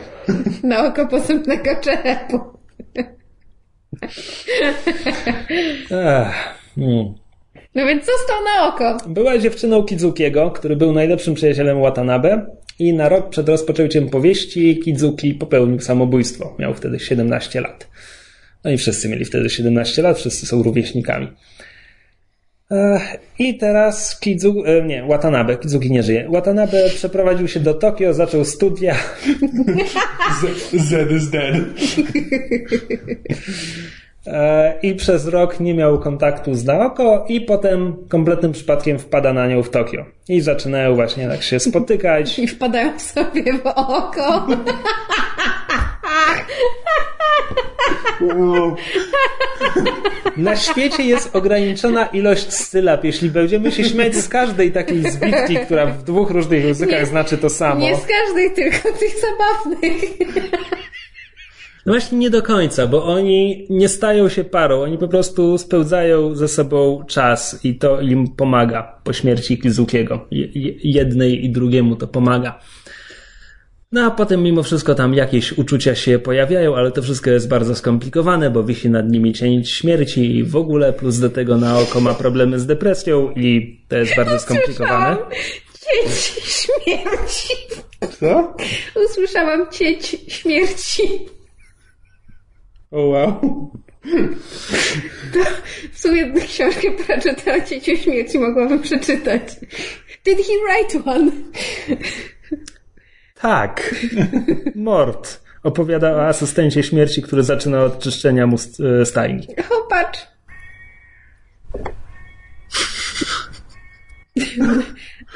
Co tu się dzieje? Gdzie ja To się jestem? nagrało. Nature is trying to invade the podcast.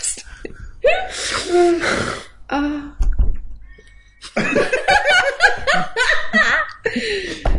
Ale wy to dopiero teraz słyszycie. To tak robi od początku nagrania.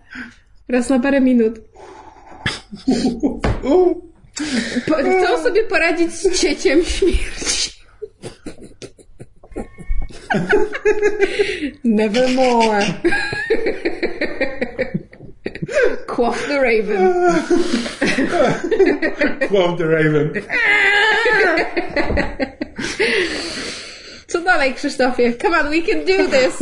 Już niewiele zostało do końca. Zen. Kura zen. Mniej więcej w tym samym czasie w życiu Watanabe pojawia się inna studentka, Midori, która jest bardzo otwartą, wesołą dziewczyną, która bezustannie zmyśla, ale mu to nie przeszkadza. A, I w największym możliwym uproszczeniu cała historia jest o tym, jak Watanabe miota się nieco między tymi dwoma dziewczynami. O, Kamil's gone again. Co tym razem?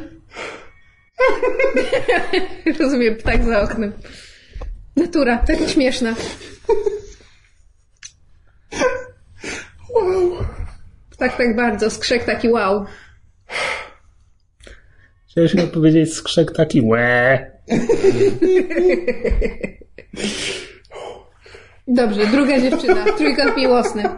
Wiesz co, mów, mów, mów przez niego, ignoruj ten śmiech. Kontynuuj. On brzmi jakby padł ofiarą Jokera. Jak mam to zi- zignorować?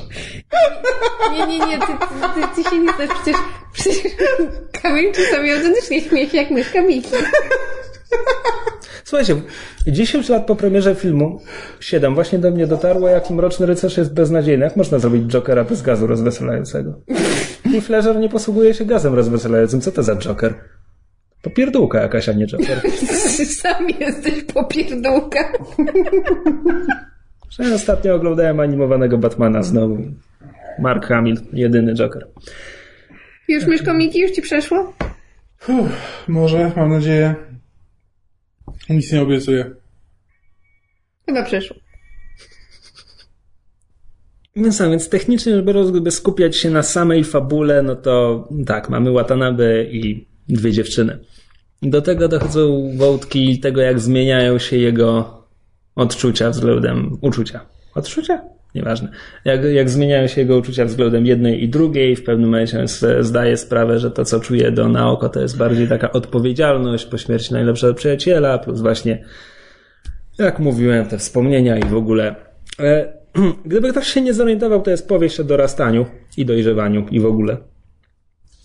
I tak sobie myślę, że byłbym nią może nie zachwycony, ale pod ogromnym wrażeniem, gdybym był ją przeczytał jako nastolatek właśnie. A tak jak, jak przeczytałem ją teraz, mm, za dużo w niej banału. Znaczy, podobała mi się, od razu mówię, podobała mi się i Midori jest świetną postacią. Była w ekranizacji, jest nią w, jest nią w, w powieści. Jest super. E, natomiast e, są tam rzeczy, które są strasznie proste, przy czym ja mogę wybaczyć to tej powieści, ponieważ ona jest o nastolatkach, a ja już kiedyś mówiłem, co sądzę o nastolatkach, mianowicie sądzę, że są e, rozdygotani emocjonalnie i no. Jak to dobrze, że nigdy nim nie byłem. No, byłem rozdygotanym emocjonalnie nastolatkiem. Wszyscy byliśmy, chyba że jest to jeszcze przed nami, ale chyba nie mamy aż tak młodej widowni. Widowni? No, mieliśmy jedno wideo. Co? Na co ty tak, co mnie tak dziwnie patrzysz? Co ty mnie tak dziwnie patrzysz? Because your grammar sucks. Szósta rano piekary śląskie. Zmężony. Podtytuł odcinka. Słowo, którego nie mogę sobie przypomnieć. Banał. Nie, to już było. Nastolatki. Mm. A, czego też są Pretensjonalni! Tak, A. dobrze. Mówiłem o tym pięć razy przy okazji Life is Strange. E, więc tak, i Norwegian Wood w ten sposób jest pretensjonalny, kiedy, kiedy młodociany bohater wydaje mu, znaczy, wydaje mu się, to faktycznie jest przełom w jego życiu, kiedy on sobie uświadamia coś boleśnie oczywistego dla dojrzałej osoby. No ale tak, każdy nastolatek tak, musi do tego tak, dojść, no. żeby stać się dojrzałą osobą. Więc tak, więc w tej książce są banały, ale są to jakby banały, do których ktoś musi dojść. Znaczy, jeżeli mogę coś wtrącić, bo jednak mam wrażenie, że czytam najwięcej young adult z naszej trójki. I jakby, znaczy, Myślę, że w ciemno możemy założyć, że to prawda.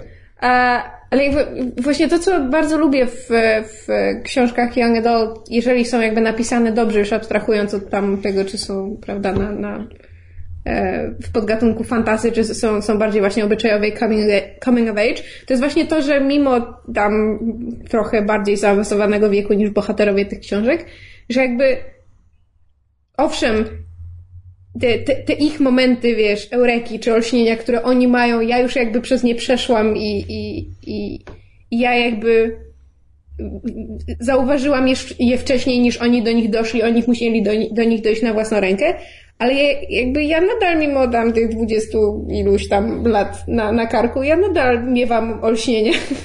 Znaczy jakby nie takie same jak ma osoba nastoletnia, ale jakby związane z kolejnymi właśnie postępującymi etapami życia i na, na przykład mnie to mnie to nie przeszkadza, mnie to się bardzo podoba, jakby właśnie to Że- obserwowanie tych kolejnych e- etapów e, właśnie rozpatrywanych w literaturze młodzieżowej mnie mnie się strasznie podoba i do mnie przemawia, bo, bo mam wrażenie, że na każdym etapie swojego życia mamy takie olśnienia, tylko po prostu Mi, nie, mi nie, nie przeszkadza to, że młodociany bohater musi dojść do czegoś, co mi wydaje się oczywiste, bo jakby rozumiem to jako konstrukcję postaci, tak? To jest wiarygodne w tym wypadku. Chodzi mi o to, że to jest również przynajmniej miejscami w Norwegian Wood, to jest po prostu banalnie opisane. Ale ja mam wrażenie, że Murakami ma taki styl, bo ja czytałam parę jego książek, co prawda nie czytałam Norwegian Wood, ale Myślę, on że ma to jest taki... w książce pewnie sprzedane tak, jakby to powinno być odkrycie też dla czytelnika, a nie Znaczy, tylko dla wiesz co, postaci. to jest, to jest pierwsza powieść Murakamiego, którą czytałem, natomiast mam wrażenie, że to jest taki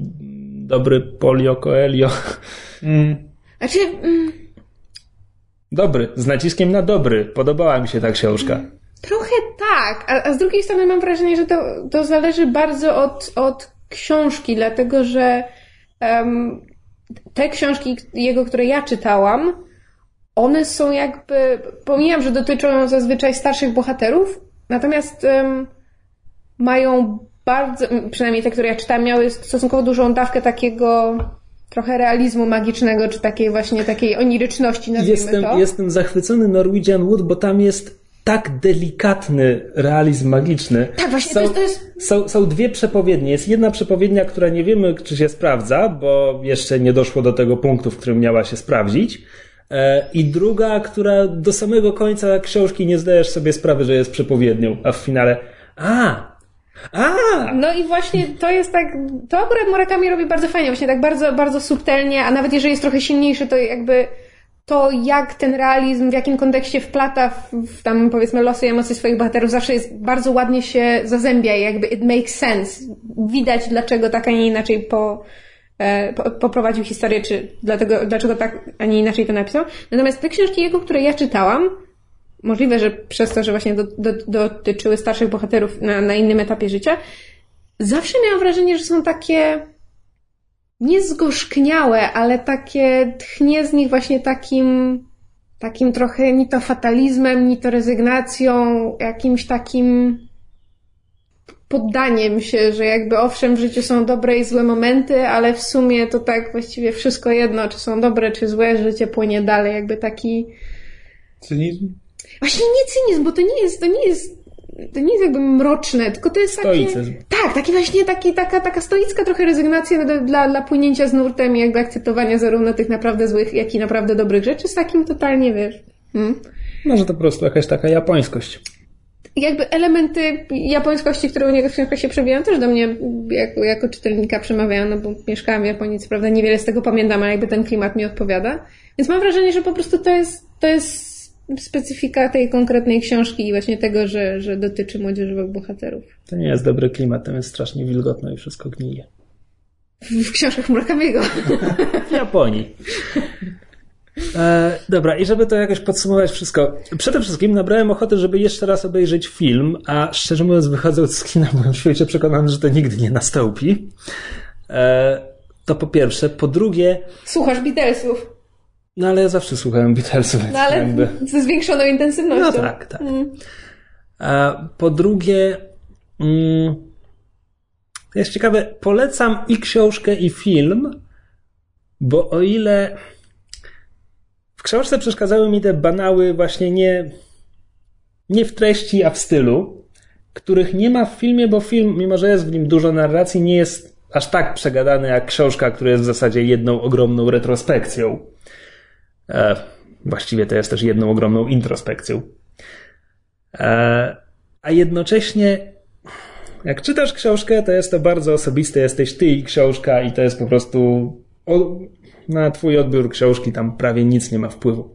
Natomiast film, gdybyście mieli go oglądać, drodzy słuchacze, to polecam jakiś prywatny seans w domowym zaciszu, ewentualnie z dobrze dobraną publicznością, która ma ochotę na coś w tym klimacie, a to jest klimat właśnie taki, żeby się zamyślić, zadumać i w ogóle.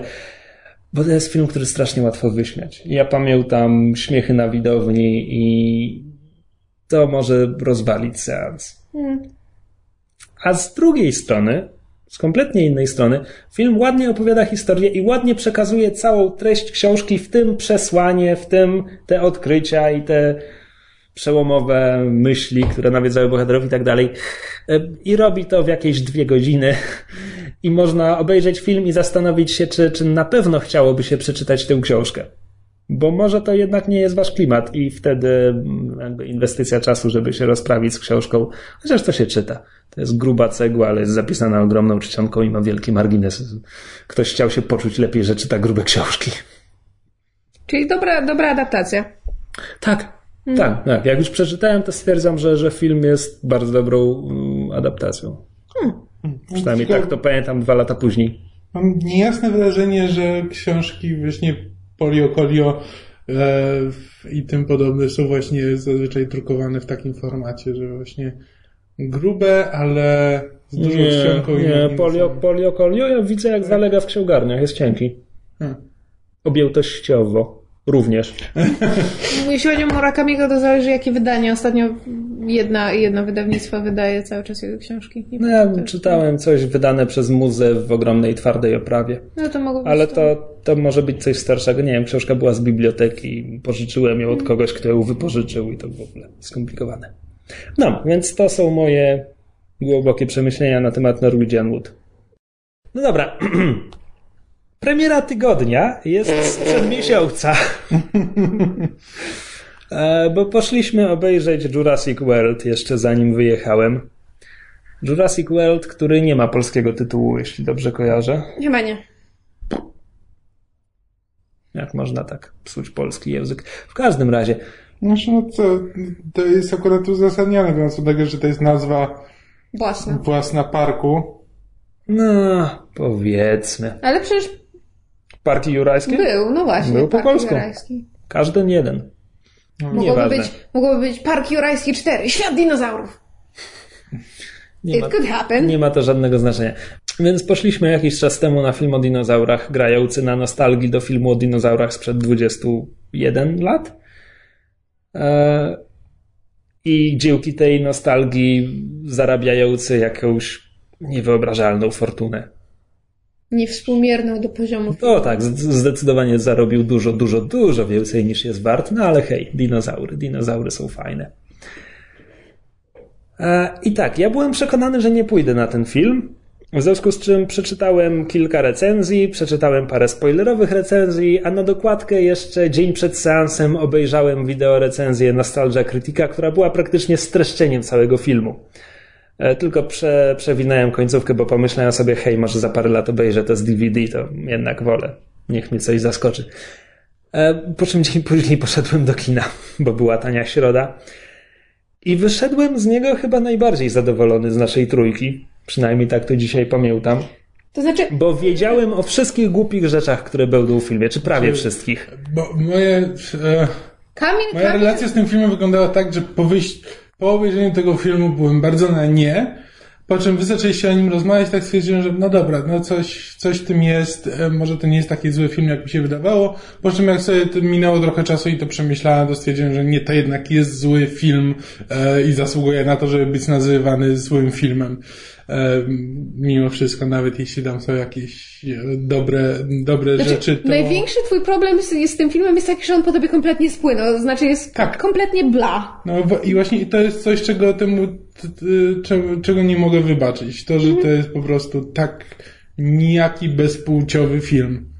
I jak na to, że według Kamila to jest niejaki bezpłciowy film i na to, że Krzyśkowi mimo się podobało, to ja jestem z kolei po, po, po drugiej stronie skali, skrajnie, dlatego że ja się dobrze bawiłam, natomiast mam z tym filmem tyle problemów. Znaczy, I one są tak zaawansowane i tak jestem zaangażowana w to, ile mam z nim problemów. Zacznijmy, prostu... zacznijmy od takich podstaw, jak on jest źle napisany i to jest bardzo źle napisany na bardzo wielu poziomach, to znaczy dialogi są złe, postaci są, są nie, nie są po prostu sztampowe. Sztampowe postaci potrafią być fajne. One nie są. One tutaj nie są. Jakby nie działają. Relacje między postaciami nie działają. E, Ten film próbuje mieć jakąś wymowę, jakąś myśl przewodnią, która po pierwsze jest głupia, po drugie jest głupio przekazana, po trzecie Nie umie się zdecydować, która z tych myśli jest wiodąca. tak, i nie, nie ma sensu. Znaczy, jeden przykład. Mamy scenę, mamy. No bo ta myśl jest taka, że coś tam, coś tam męskość. Dobrze, dobrze, dobrze, dobrze jest być mężczyzną. Chy- Chyba. To żeś podsumował. Chyba.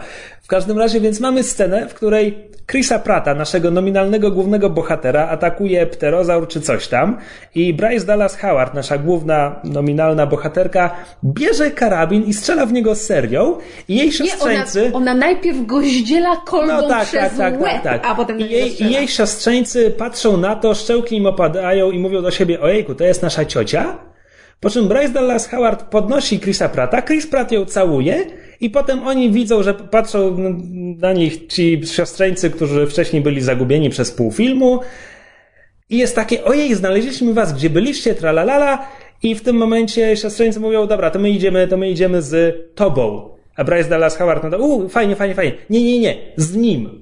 Po tej scenie, po tej scenie, kiedy oni nie widzieli, żeby Chris Pratt zrobił cokolwiek fajnego. I, I widzą go pierwszy raz na Tak, oczy. i Bryce Dallas Howard ratuje mu dupę w tym momencie. To oni mówią, my idziemy z tym facetem. Tylko dlatego, że To jest- ubrany jest, ubrany Tak. jest jak tani Indiana Jones. Głupie! No. Głupie! Jezu. Wow. No. Nie, nie bo- pamiętam, kiedy nie, ostatni, to kiedy ostatnio głupie. film sprawił, że wszedłeś na tę częstotliwość.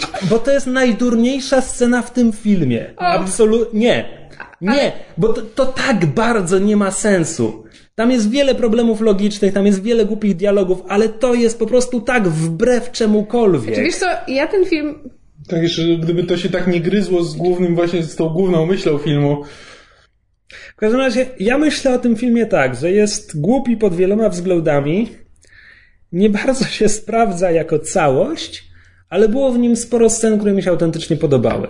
I te sceny pływają w tej zawiesinie głupoty i nie bardzo trzeba się je wyławiać. składają w film, ale tak, takim czerpakiem jakby olewając to, co jest głupie, takim durszlakiem trzeba go przerzucić i wtedy zostaje tam parę fajnych rzeczy, po prostu kompletnie zapominając o wszystkich bzdurach, co jakimś cudem na tym seansie byłem w stanie zrobić, zazwyczaj nie jestem, a jakoś Mówię, wydaje mi się, że to dlatego, że z góry wiedziałem, że będzie w tym tyle głupiego. Znaczy, najgorszą, e, najgorszym grzechem tego filmu jest to, że zasadniczo siedzisz na nim i czas mija i ty tak sobie myślisz, że w sumie w tym czasie mógłbyś obejrzeć Park Jurajski po raz kolejny. I to w sumie by było lepszy, lepszy użytek tego czasu. Ten film się w ogóle nie zestarzał. Obejrzałam go parę dni temu. Efekty komputerowe przy dinozaurach w dwóch scenach. Szczerze mówiąc, efekty super. komputerowe przy dinozaurach w Parku Jurajskim i tak w 99,9% są lepsze niż te efekty specjalne, które mamy w Jurassic World. Mm, efekty stuprocentowo komputerowe w Parku Jurajskim się zestarzały. Natomiast, ponieważ były tak umiejętnie łączone z praktycznymi No efektami i tak dalej, i tak dalej, są lepsze, tak. Zresztą o Parku Jurajskim już rozmawialiśmy po wyjściu z kina, że podobno na planie korzystano z wielu makiet, tylko, że potem w postprodukcji Znaczy, te makiety anim- pociągano. No tak, tak, tak. Po, pociągnięto je komputerowym pełzle, pełzelkiem, żeby ten dinozaur tak jakby żywiej robił bokami, czy żeby mu ślepia Żeby mu mrugały dupa świeciła. przez co wyglądają sztucznie i komputerowo, chociaż były naprawdę na planie i te, ktoś to tak schrzanił. Tak bardzo schrzanił. Ale właśnie, bo Ten na przykład- film jest schrzaniony na tak wielu różnych Ale właśnie poziomach. chciałam jeszcze do tego nawiązać, bo sporo osób na przykład mówi, sporo osób, którym się film podobał, albo mają trochę tak jak ty, jak Krzysiek, podejście na zasadzie, że owszem, ma wiele wad, ale bawiliśmy się całkiem nieźle. Mogło być gorzej. Em, jakby mówią, że że to jest film, który w bardzo dużej mierze właśnie jedzie na tej 90s nostalgia, jakby nie tylko pod względem tego, że jest, prawda, kontynuacją serii, Tak, no kultowej serii z lat on 90., zarobił ale ale... górę kasy, no bo posz... dzieci, które oglądały Park Jurajski w 94 dzisiaj są wydającymi pieniądze dorosłymi. I wszystkie te dzieci poszły i zabrały swoje dzieci. Tak, ale jakby problem polega na tym, że nawet jeżeli na, nawet jeżeli ktoś gdzieś w pewnym momencie usiadł na Jurassic World i stwierdził, słuchajcie, zróbmy parę myków, żeby to bardziej przypominało kino lat 90., jakby pod względem formy i pewnych tam zagrań scenariuszowych, pewnych schematów i tak dalej, bo są takie momenty, gdzie można odnieść wrażenie, że, że I see what you were trying to do there, ale kompletnie spieprzyłeś sprawę, kompletnie. Tutaj ten klimat lat 90. to się ogranicza tylko do ideologii przekazywanej w tym filmie. Też nie, dlatego że ja ostatnio obejrzałam Park Jurajski pierwszy i ten film Tam, jest, tam jest ten film nie jest seksistowski w żaden sposób. W nie, żaden. dlatego, nie, ja mówię ogólnie do, w sensie całości lat 90. Tak, do, właśnie o to chodzi, że myślałby kto, że 90.. Jurassic World, skoro chciałoby w jakiś sposób się odnieść do lat 90., odniosłoby się do Parku Jurajskiego z, z, z lat 90., to znaczy jakby, że do swojego dokładnego przodka, a nie do całej epoki, z którą w gruncie rzeczy Park Jurajski właśnie miał niewiele wspólnego i dlatego jest takim filmem kultowym, ponieważ się wybił pod bardzo wieloma względami, nie tylko jakby technicznymi, ale też pewnego tam, nie wiem, przełamywania schematów i, i postaci i tak dalej. I No i czego by o Spielbergu nie mówić, jest, zdolny jest no, drań. zdolny jest, umie kręcić naprawdę rozrywkowe filmy. No Co jakby, mi przypomina, kto jest reżyserem Jurassic World? I couldn't tell you if you put a gun to my head. I don't give a fuck. Nie wiem, prawdę mówiąc, film tak wygląda, że równie dobrze mógłby to być Justin Lin. Justin Lin to ten, co będzie Star Treka robił, prawda? To jest ten, co zrobił Fast and Furious. Wszystkich wściekłych. Chyba I wściekłych. też mam wrażenie, że coś Star Trek, tak. mi się A przynajmniej miał. Tak, ma- Może już nie ma, ale miał na Tak, pewno miał, po drodze. miał, miał. No, ale- Nie, chyba nawet wciąż mam Wiesz co, wrażenie. jak tak się zastanowi, kombinacja Simon Pegg scenariusz i Justin Lin reżyseria, to może nie być takie kompletnie beznadziejne. Nie wiem, widziałem chyba pół szybkich i wściekłych. więc Ja lubię wszystkich szybkich wściekłych. Nawet akurat- Tokyo Drift? Znaczy, Kocham Tokyo Drift. ja lubię Szybkich i Wściekłych, tylko że właśnie to jest głupi głupi, sztuczny, e, świecący się Ale, e, ale, on, film. ale wie, że on Tylko, taki jest. prostu- Robi to No, świadomie. tak, no właśnie, tylko dlatego mówię, że wiesz, A poza tym, mimo wszystko, nie to jest powinien tak jedna z wyglądać najlepszych- jak wszyscy i ściekli. To jest jedna z najlepszych jakby serii filmowych i z tego co wiem, Lin, Justin Lin odpowiadał za, nie wiem, trzy albo cztery z tych filmów, więc facet jakby... No dobra, Okej, wpadliśmy w jakąś dygresję wielopiętrową, wróćmy No i co z do... Reżyser tutaj to jest Colin Trevorow. Z tych Trevorowów. Um, nie wiem, filmy, których w ogóle nie znam. Reality Show, film dokumentalny. Safety Not Guaranteed. I potem Jurassic World. Nie mam pojęcia, skąd go wzięli i czemu. No dobra, mniejsza z tym. Safety Not Guaranteed to jest taka indie komedia. A, prawda, to jest to o podróżowaniu w czasie. Ja słyszałem dobre rzeczy o tym No filmie. właśnie podobno jest dobre, ja jeszcze nie, nie, nie, nie doszłam do tego, ale podobno jest dobre. Tylko też wiesz, nie. nie wiadomo czy kwestia scenariusza, czy reżyserii. Nie wiem, czy on to też napisał. Może. Daj znać, gdybyś jakoś z wyprzedzeniem planowała to obejrzeć. ja Napisał to ktoś inny. Okej. Teraz już zawędrowaliśmy na Syberię z tą dygresją. No nie, no, rozmawiamy o reżyserze dzieła omawianego. Tak. E, Ale wracając do Jurassic World. Um, Fatalne tłumaczenie. O Chryste. nie podobała Ci się niegroźna ciężarówka? Nie, to było, to była, to była, to był nieśmiały dinozaur. Nie, nieśmiały, miły dinozaur. Nie, niegroźna ciężarówka też była. a to, to, to komedię hmm, Bryce Dallas Howard pakuje siostrzeńców do, na, na pakiet ciężarówki mówiąc it's safe here, a napisy widzicie nie jest groźny. Kompletnie mnie to ominęło. Nie no, moje ulubione jest to, że co tam było? 20 os- 28, czy tam 27, 28 osób wylądowało w szpitalu z powodu zawału, a po angielsku jest heat stroke, czyli od udaru słonecznego i po prostu tak mi się podoba, że Polak oglądający film myśli sobie Jezus Maria, jednego dnia w parku 28 osób padło na No zawał. wiesz, dinozaury są straszne. Nie no, ale myślałby kto, że może kogoś zdążyli odratować. Scenarzystami są e, ludzie od e, rebootu Planety Małp, e, obu części. Ha. Ona nie była taka zła. Nie była. Dziwne. Z drugiej strony nie bardzo była tam postać kobieca, którą mogliby totalnie Nie, spieprzyć. nie, ale słuchaj, Park Jurajski jest pełen silnych postaci kobiecych, dobrze napisanych, dopóki pamiętasz, że wszystkie dinozaury to samiczki. Tak jest, chyba, że kupujesz zabawki, wtedy są samczykami. tak jest. Albo, ogląda, albo, czytasz, fuck polskie, you, albo czytasz polskie tłumaczenie, w którym też są samczykami. tak, uparcie pani tłumaczka zmieniała płeć wszystkich dinozaurów na męskie, mimo że uparcie wszyscy w filmie Go Figure nazywali je she. Mądra dziewczynka. Tak. W sumie to jest, to, to jest największy zarzut, jaki mam do tego filmu, że ani razu nie padło Clever Girl. Było tyle okazji. Naprawdę, największy zarzut do filmu. Oddly enough, tak.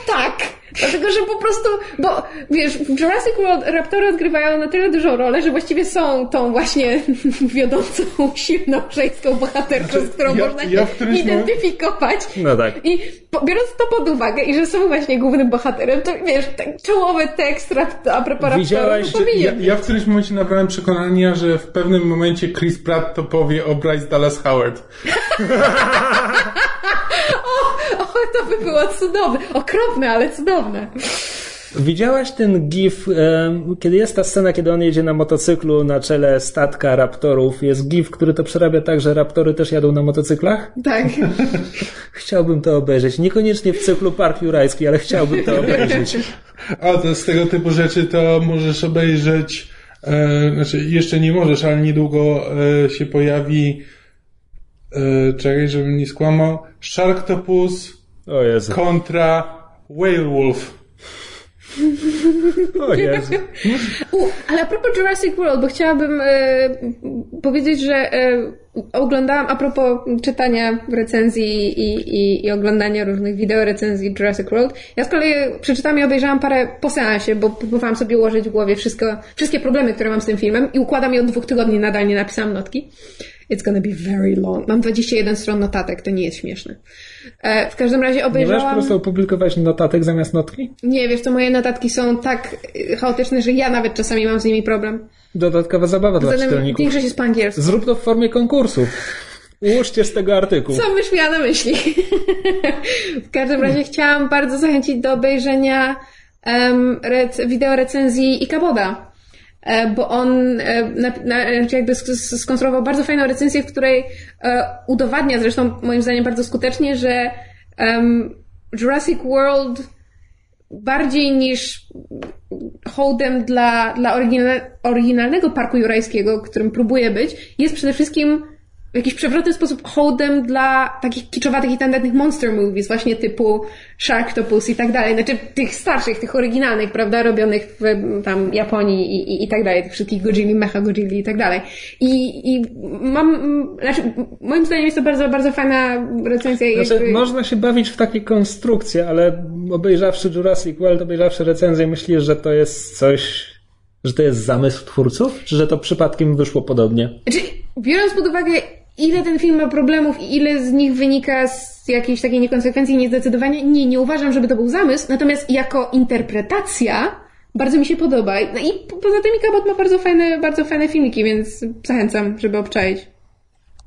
Mnie się w każdym razie jego recenzja bardzo podobała, była taka dużo, wymienił wiele z tych problemów, które ja mam, jakby dołożył swoją interpretację bardzo ciekawą, więc Zachęcam. No dobra, przelećmy szybko obsadę mm, całą. Całą? Czy całą. mogę zacząć od Chrisa Prata, kochanie? Zobacz, że nie słyszysz. Zacznijmy od Chrisa Prata. Robi co może. Tak. I to jest, dla mnie Pratt jest jakby największym odkupieniem tego filmu. To znaczy, bo znaczy, on na, ma strasznie niewdzięczną rolę tak naprawdę, tak. bo z jednej strony jest pisany jako ten samiec uber alfa, najmężniejszy z, z mężnych. Strony on go wbrew pozorom wcale tak nie gra. Tak, y, ponadto e, scenarzyści przypisali mu również rolę cynicznego komentatora, który wskazuje, to jest głupie, to co robicie jest głupie, to jest głupie. Wiecie, że to ta, ta scena jest głupia, tak. ten film jest głupi, to jest głupie i to też jest głupie. I te dwie role nie do końca się sprawdzają A jeszcze, jeszcze, jest, razem. Jest, jeszcze jest trzecia rola, bo przecież jest jeszcze czuły obrońca zwierząt. Nie zapominajmy. Były komandos. Były, zapominajmy. Były koma- znaczy były, co on jest? Marine. Nie Navy Seal, tylko Marine. Były komandos. Nie, właśnie on jest z marynarki. No, ale to jest... Navy, on był w Navy. No właśnie nie, on mówi, on był... On, on wygłasza kwest, kwestię I was in the Navy, not the Navajo. Co mi powiedział, że był w Marine? Nie wiem. Nieważne.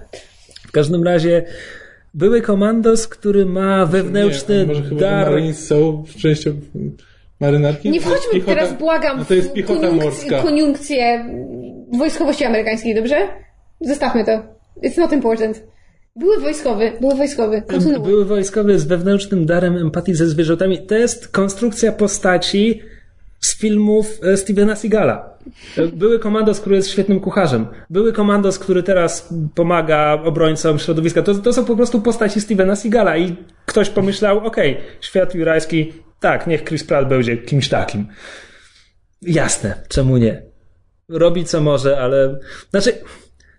I tak z wielu złych, źle napisanych postaci w tym filmie, jego postać jest jedną z nie najgorzej napisanych. Mm. Bo potem mamy Bryce Dallas Howard w roli zimnej bizneswoman, która wcale nie jest taka zimna, bo ona jednak empatyzuje. I, I ale, ale film jej przypisuje, nie, ty masz być ta zimna, chociaż tego nie widać tak naprawdę. A się o to chodzi, ja obejrzałem ten film drugi raz i jeden z wniosków, do których doszłam, jest taki, że i to, to jest coś, co będę próbowała udowodnić w nocy, mianowicie, że jeżeli zabrać w ogóle właśnie ten, ten taki główny, nie wiem, wątek, wątek, motyw, który film próbuje chyba przepchnąć pod tytułem u samiec alfa mężczyzna, oho, wiesz, wielki macho, jak to zabrać, ani postać Prata nie jest wcale tak fatalnie napisana, ani postać Bryce Dallas Howard nie jest wcale tak fatalnie napisaną postacią tak, kobiecą. bo to jest tam doklejone na siłę, tak, głupio i na siłę. dwa czy trzy elementy, które jakby wyciąć, to by była naprawdę spoko postać. No, nie. ja bym się nie zapełdził aż tak daleko. To są okay. duże, tu są duże elementy, ale dosłownie jest ich garść. To no nie tak. jest tak, że on jest kompletnie nie, nie do odkupienia jakby. No no, w każdym razie postacie są wepchnięte Kamil, się, schemat... Kamil ma to tak wszystko totalnie w dupie. On ten film ma tak totalnie w dupie. Ja nie jestem go w stanie nawet bronić na zasadzie, że gdyby coś bronić. zrobić... On nawet nie jest w stanie go atakować. Właśnie o to chodzi, to jest tak bezpłciowe, że nawet nie chce mi się o nim gadać. Jest po prostu... Nie chcę wow. mi się z tobą gadać. Dobra, e, resztę obsady przelecimy szybciej, nie będziemy nie są warci naszego czasu aż tak bardzo. Ani energii. Mamy, mamy Ifrysa Kana, czy ja to dobrze wymawiam, czy ja sobie dobrze przypomniałem wszystkie zgłoski? On nie jest Ifran... Ifran Khan. Ifran Khan, jakoś tak. Dobrze, mamy, if, mamy. Ifrana Kana i ja autentycznie lubię jego postać, bo to jest jedyna postać, która się trochę wyłamuje ze schematów. On Jest nie jest głupia jak but. jest głupi jak but, ale nie jest do końca ani zły, ani nie jest do końca dobry. On Nie jest tym, czego się w spodziewamy. całym scenariuszu to jest jedyna postać, która jest na środku, powiedzmy w tej, w tej wąziutkiej strefie szarości. I po prostu w filmie, który jest tak prosty, tak banalny, tak schematyczny, to to był powiew świeżego powietrza eksplodującego helikoptera. To skoro jesteśmy Spoiler. Przy, przy postaciach pobocznych, to kolejna rzecz, której nie mogę wybaczyć, to jak bardzo zmarnowany jest Vincent D'Onofrio. Vincent D'Onofrio jest koszmar. Jest, on był takim dobrym Kingpinem i tak się męczy w tym filmie. To znaczy, męczy się. Wydaje mi się, że on się nawet dobrze bawił na planie, ale po prostu jest tak źle poprowadzony. Znaczy, ugrał, ugrał to, co miał, ugrał fantastycznie, ale jest tak beznadziejną postacią, że po prostu, no... On gra jakby był w kreskówce. To jest już ten, ten rodzaj przerysowania. He was chewing the scenery, no. Tak, tak, tak. Nie, ale jest na... Ech. Nie, ale to rzeczywiście, to, To znaczy- jest hańba. Przypominając, przypominając ten pierwszy, pierwszy park jurajski, jakby ktoś pomyślał, że ten y, zły haker z pierwszej części to jest postać z kreskówki przerysowana i w ogóle to po prostu postawić przy nim Vincenta D'Onofrio i ten gruby haker jest, nie wiem, z Bergmana, no głębia, głębia, głębia. Nie, Vincent D'Onofrio, jest- znaczy nie on, Znaczy, postać. inaczej, Jego postać nie, jest koszmarna. Ja, ja się nim, ten Donofrio jest super, natomiast ja ostatnio obejrzałam ten Park Jurajski i Przesadzam? ten sam ten poziom? haker, znaczy chyba z perspektywy Tak, czasu no, ten haker jest tak strasznie przerysowany. Okej, ja nie widziałem pierwszego parku ale, jurajskiego ale od a 8 propos lat. pierwszego parku i a propos postaci... To jest jeszcze, wiesz, to, to jest po prostu obraz nerda właśnie z lat 90. Tak, to jest po to jest, prostu... to jest bolesne, to jest e, tak bolesne. to stereotyp na stereotypie i jeszcze w dodatku to ma jest w, w ty, znaczy w jednej postaci próbują zawrzeć tego złego i comic relief e, I kompletnie im nie wychodzi. tak, i to jest po prostu tak beznadziejna Dobra. postać, że Wie- rzeczywiście wiesz- to jest te, to jest ta część, której Dobra, no, okej, Jurassic World aż tak źle nie zrobiło. Okej, zapełdziłem się, natomiast wiesz co mi przeszkadza w Jurassic World? W, w Parku Jurajskim tamten gość, jak się nazywa ten aktor? Ted, Ned, E, Ned, Nedry. Nedry. Dobra, w każdym razie ta jego postać, Which on, is an on, anagram of nerdy. Doy. on był on był kreskówką, on był wycięty z kartonu, ale to była jego rola i nie próbował, jakby scenariusz nie wpisywał go w nic wielce, jakby tam Mhm. nie było wielkiego pojedynku między samym Nilem i nim. Tak, tak, nie, nie, to jest on, jakby- on po prostu ma swoją To schematyczną jest rulkę i beznadziejna tyle. postać, tylko że po prostu no... Tak, ale a postać Vincenta. D'Onofrio przede wszystkim do, żyje aż do wielkiego finału, a po drugie jest wpisany w ten wątek męskości, bo wiesz, bo on myśli, że jest samcem alfa, ale tak naprawdę nie jest samcem alfa i to mnie boli. Gdzie jest tak schematyczna postać, która jest jeszcze na dodatek wpisana w główny wątek filmu, jest to zły wątek i ona jest w niego źle wpisana, po prostu wszystkie problemy filmu Tak. zahaczają też o postać i dlatego nie mogę ścierpieć postaci. Tak jak nie przeszkadza mi to aż tak bardzo w wypadku Chrisa Prata. Ktoś jeszcze grał w tym filmie? Dinozaury. Raptory były spoko. Doktory były spoko. E, Tyranozaur był spoko, hybryda była głupia. Znaczy, hybryda była inteligentna wszyscy dookoła, hybrydy byli głupi jak buty. Niewiarygodne. Ktoś jeszcze grał w tym filmie? Dzieci były. A, no tak, najbardziej kompetentne dzieci, jakie kiedykolwiek były na ekranie. Tak. Wszystko potrafią. Samochód naprawiał, z wodospadu skoczą, nie załamiał się ani na moment, nie sparaliżuje ich strach. Bezbłędnie, intuicyjnie wyczują, kto jest samcem alfa. Tak, chyba na węch. Znaczy, to jest właśnie jeden z e, zarzutów, którym, z którym się spotkałam w recenzji zwierzę i właśnie bardzo muszę się z nią zgodzić teraz, zwłaszcza po obejrzeniu pierwszego parku znowu. Dlatego, że to było, to było właśnie fajne w pierwszym parku, że zwłaszcza jak się, ponieważ większość z nas Było oglądała ten wieku. film, było mniej więcej w tym wieku albo zbliżonym i Unix, znam ten system. Tak. I, I jakby mieliśmy bardzo podobne, to znaczy oglądając Park Jurajski po raz pierwszy w tamtych czasach, rzeczywiście mieliśmy bardzo zbliżone reakcje do tych dzieciaków. Na zasadzie reakcją było, wiesz, o, dinozaury! Przemieszane ze strachem, a potem jak już się zaczynało, prawda, gówno uderzało w wentylator, no to była w większości panika i o mój Boże, czy przetrwamy do świtu? No i jakby potem na koniec, prawda, ta dziewczynka, znaczy jakby zwłaszcza postać dziewczynki jest tutaj ciekawa, bo jakby ten, ten chłopiec owszem jest momentami przerażony, ale dla niego te dinozaury to jest przede wszystkim za każdym razem radocha. Nawet te krwi rzeczy to to jest radocha. A ta dziewczynka właśnie przez większość filmu jest jakby taka trochę zachowawcza i przerażona i potem jakby dopiero uczy się tego, że, że musi się o swojego brata zatroszczyć, że jest starsza, że, że, że nie musi się, prawda, dawać swoim lękom i, i, i, i na koniec ratuje dzień. A tutaj mamy tych chłopców, którzy przez większość filmu właściwie jeden z tych chłopców jest podekscytowany tymi dinozaurami, ale właściwie nawet nie bardzo ma okazji je obejrzeć, dlatego że w tym parku jest jakiś zastraszający tłum ludzi. Ten jego brat jest zblazowany i w ogóle totalnie na wszystko leje. Potem już zaczyna się, zaczyna ich ścigać dinozaur, a oni w ogóle dwa razy krzykną, ale potem są po prostu właśnie, wiesz, geniusze zbrodni, którzy są w stanie uciec przed dinozaurem i naprawić samochód i wydostać się z dżungli i wyniuchać tego samca alfa i po, potem jeszcze, wiesz... Problem w tym, że... I te dzieciaki się nie boją i to jest tak... Ale one nie tylko się nie boją, one Poza tym, że pod koniec filmu uświadamiają sobie, że są braćmi i muszą się kochać i wspierać, to oni się w ogóle nie rozwijają. Tak, no. E, I, i nie mają też... ten cholerny stereotyp tego samca alfa, I, no. I mają dla siebie tyle czasu ekranowego, w którym tak naprawdę nie ma niczego dobrego. To znaczy, ja jeszcze lubię scenę, kiedy um, um, Megazord, um, de, Dominator... Mo, mozozaur. Nie, mozozaur. chodzi mi o hybrydę. Indominus Rex. Indominus Rex. Prawda, Indominus Rex. E, kiedy Indominus Rex atakuje tą ich kulkę chomika, to, to, to jest Rzynka z pierwszej części do tego stopnia, że jakby tak w pierwszej części był pysk terenozaura przez szyberdach samochodziku. Tutaj mamy dokładnie to samo ujęcie. E, I okej, okay, to jest fajna scena, ale to jest jakby jedna fajna scena z nimi. I oni potem są w zasadzie kulą u nogi dla głównych bohaterów i to wszystko. Natomiast w Parku Jurajskim a mamy scenę w kuchni.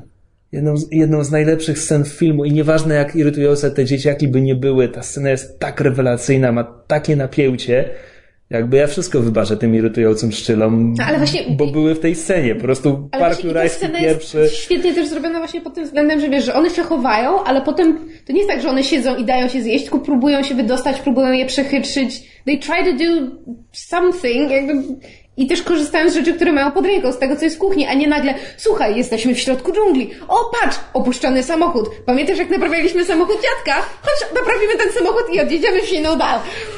Przecież, słuchaj, w Parku Jurajskim em, Owszem, ta, ta dziewczynka na koniec y, ratuje dzień, bo jest na zasadzie Unix, ja znam ten system, mogę zresetować, prawda? Znaczy no widzisz, ten... masz kontrprzykład dla obrazu nerda w popkulturze lat 90. nieprawda, mhm. dlatego, że, ale właśnie o to chodzi, że... A co, mała dziewczynka była wcześniej w hakerach, czy gdzie? Nie, ale słuchaj, um, bo jakby na koniec filmu ona ratuje dzień, bo na zasadzie Unix, znam ten system. kiedyś z kowbojami sieci? Z czego to jest cytat? Nie wiem, ale, ale w połowie filmu... Tańczyłeś kiedyś ze złym świetnie. ale w połowie filmu jest jest, jest dialog między nią a bratem, zresztą strasznie fajna scena takich właśnie bratersko-siostrzanych przekomarzanek, gdzie on jej wytyka coś na zasadzie, że a, że co ty w ogóle nie, nie, nie radzisz sobie tutaj w dziczy, bo ty nic tylko byś siedziała przed komputerem, e, ty nerdzie. Nie jestem nerdem, jestem hakerem. W połowie filmu jest dialog, który jakby potem wyjaśnia końcówkę, która nie pojawia się znikąd. A właśnie w Jurassic World te dzieciaki, Hej. naprawdę tyle razy wcześniej mieliśmy dialogi między nimi, gdzie mogłaby paść kwestia pod tytułem oj, nie bocz się na mnie, no przecież wiesz, że cię lubię, przecież w zeszłym roku naprawiliśmy razem coś tam samochód u dziadka. A nie, że to się nagle pojawia jak Deus Ex Machina w tym jednym głupim momencie, no. I have so many problems with this movie. No to jest strasznie głupi. Ja przysypiam nawet myśląc o I znaczy, tym ja bym, optymistycznym akcentem ja bym, ja bym to do podsumował tak, że w Parku Jurajskim jest scena, której, której geniusz mieli chyba internet uświadomił dopiero. Przyznam, że sam nie wyłapałem. To znaczy, sam początek filmu, sam Neil nie może zapiąć pasów w helikopterze, bo ma dwie Nature finds a way. Nie, nie, ma, nie ma wtyczki, tylko ma ten odbiornik dwie wtyczki. Dwie sprzączki, dokładnie tak. I zawiązuje je na supeł, bo to dwie samiczki były. E, więc Park Jurajski jest inteligentny na wielu poziomach, jest również skrycie inteligentny. Jurassic World Jest jest, głupi na wielu poziomach. głupi, jest I obrzydliwie głupi przypadkowo fajny. na wielu poziomach i jest boleśnie oczywiście głupi.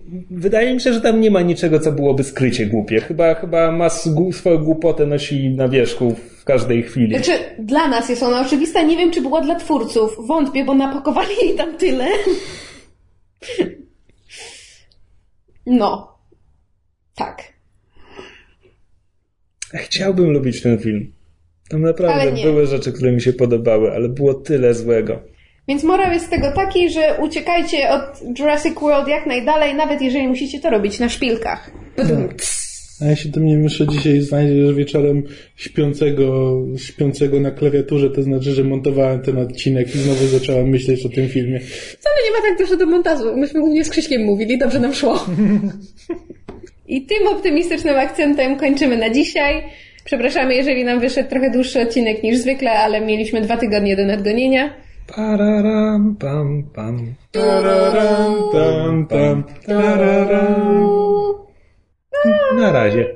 Ej, Cierpisz. cierpię.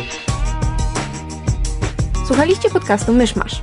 Możecie nas znaleźć na myszmasz.pl lub polubić nasz fanpage na Facebooku.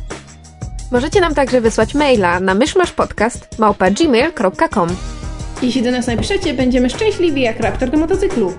Wrum, wrum. Rar.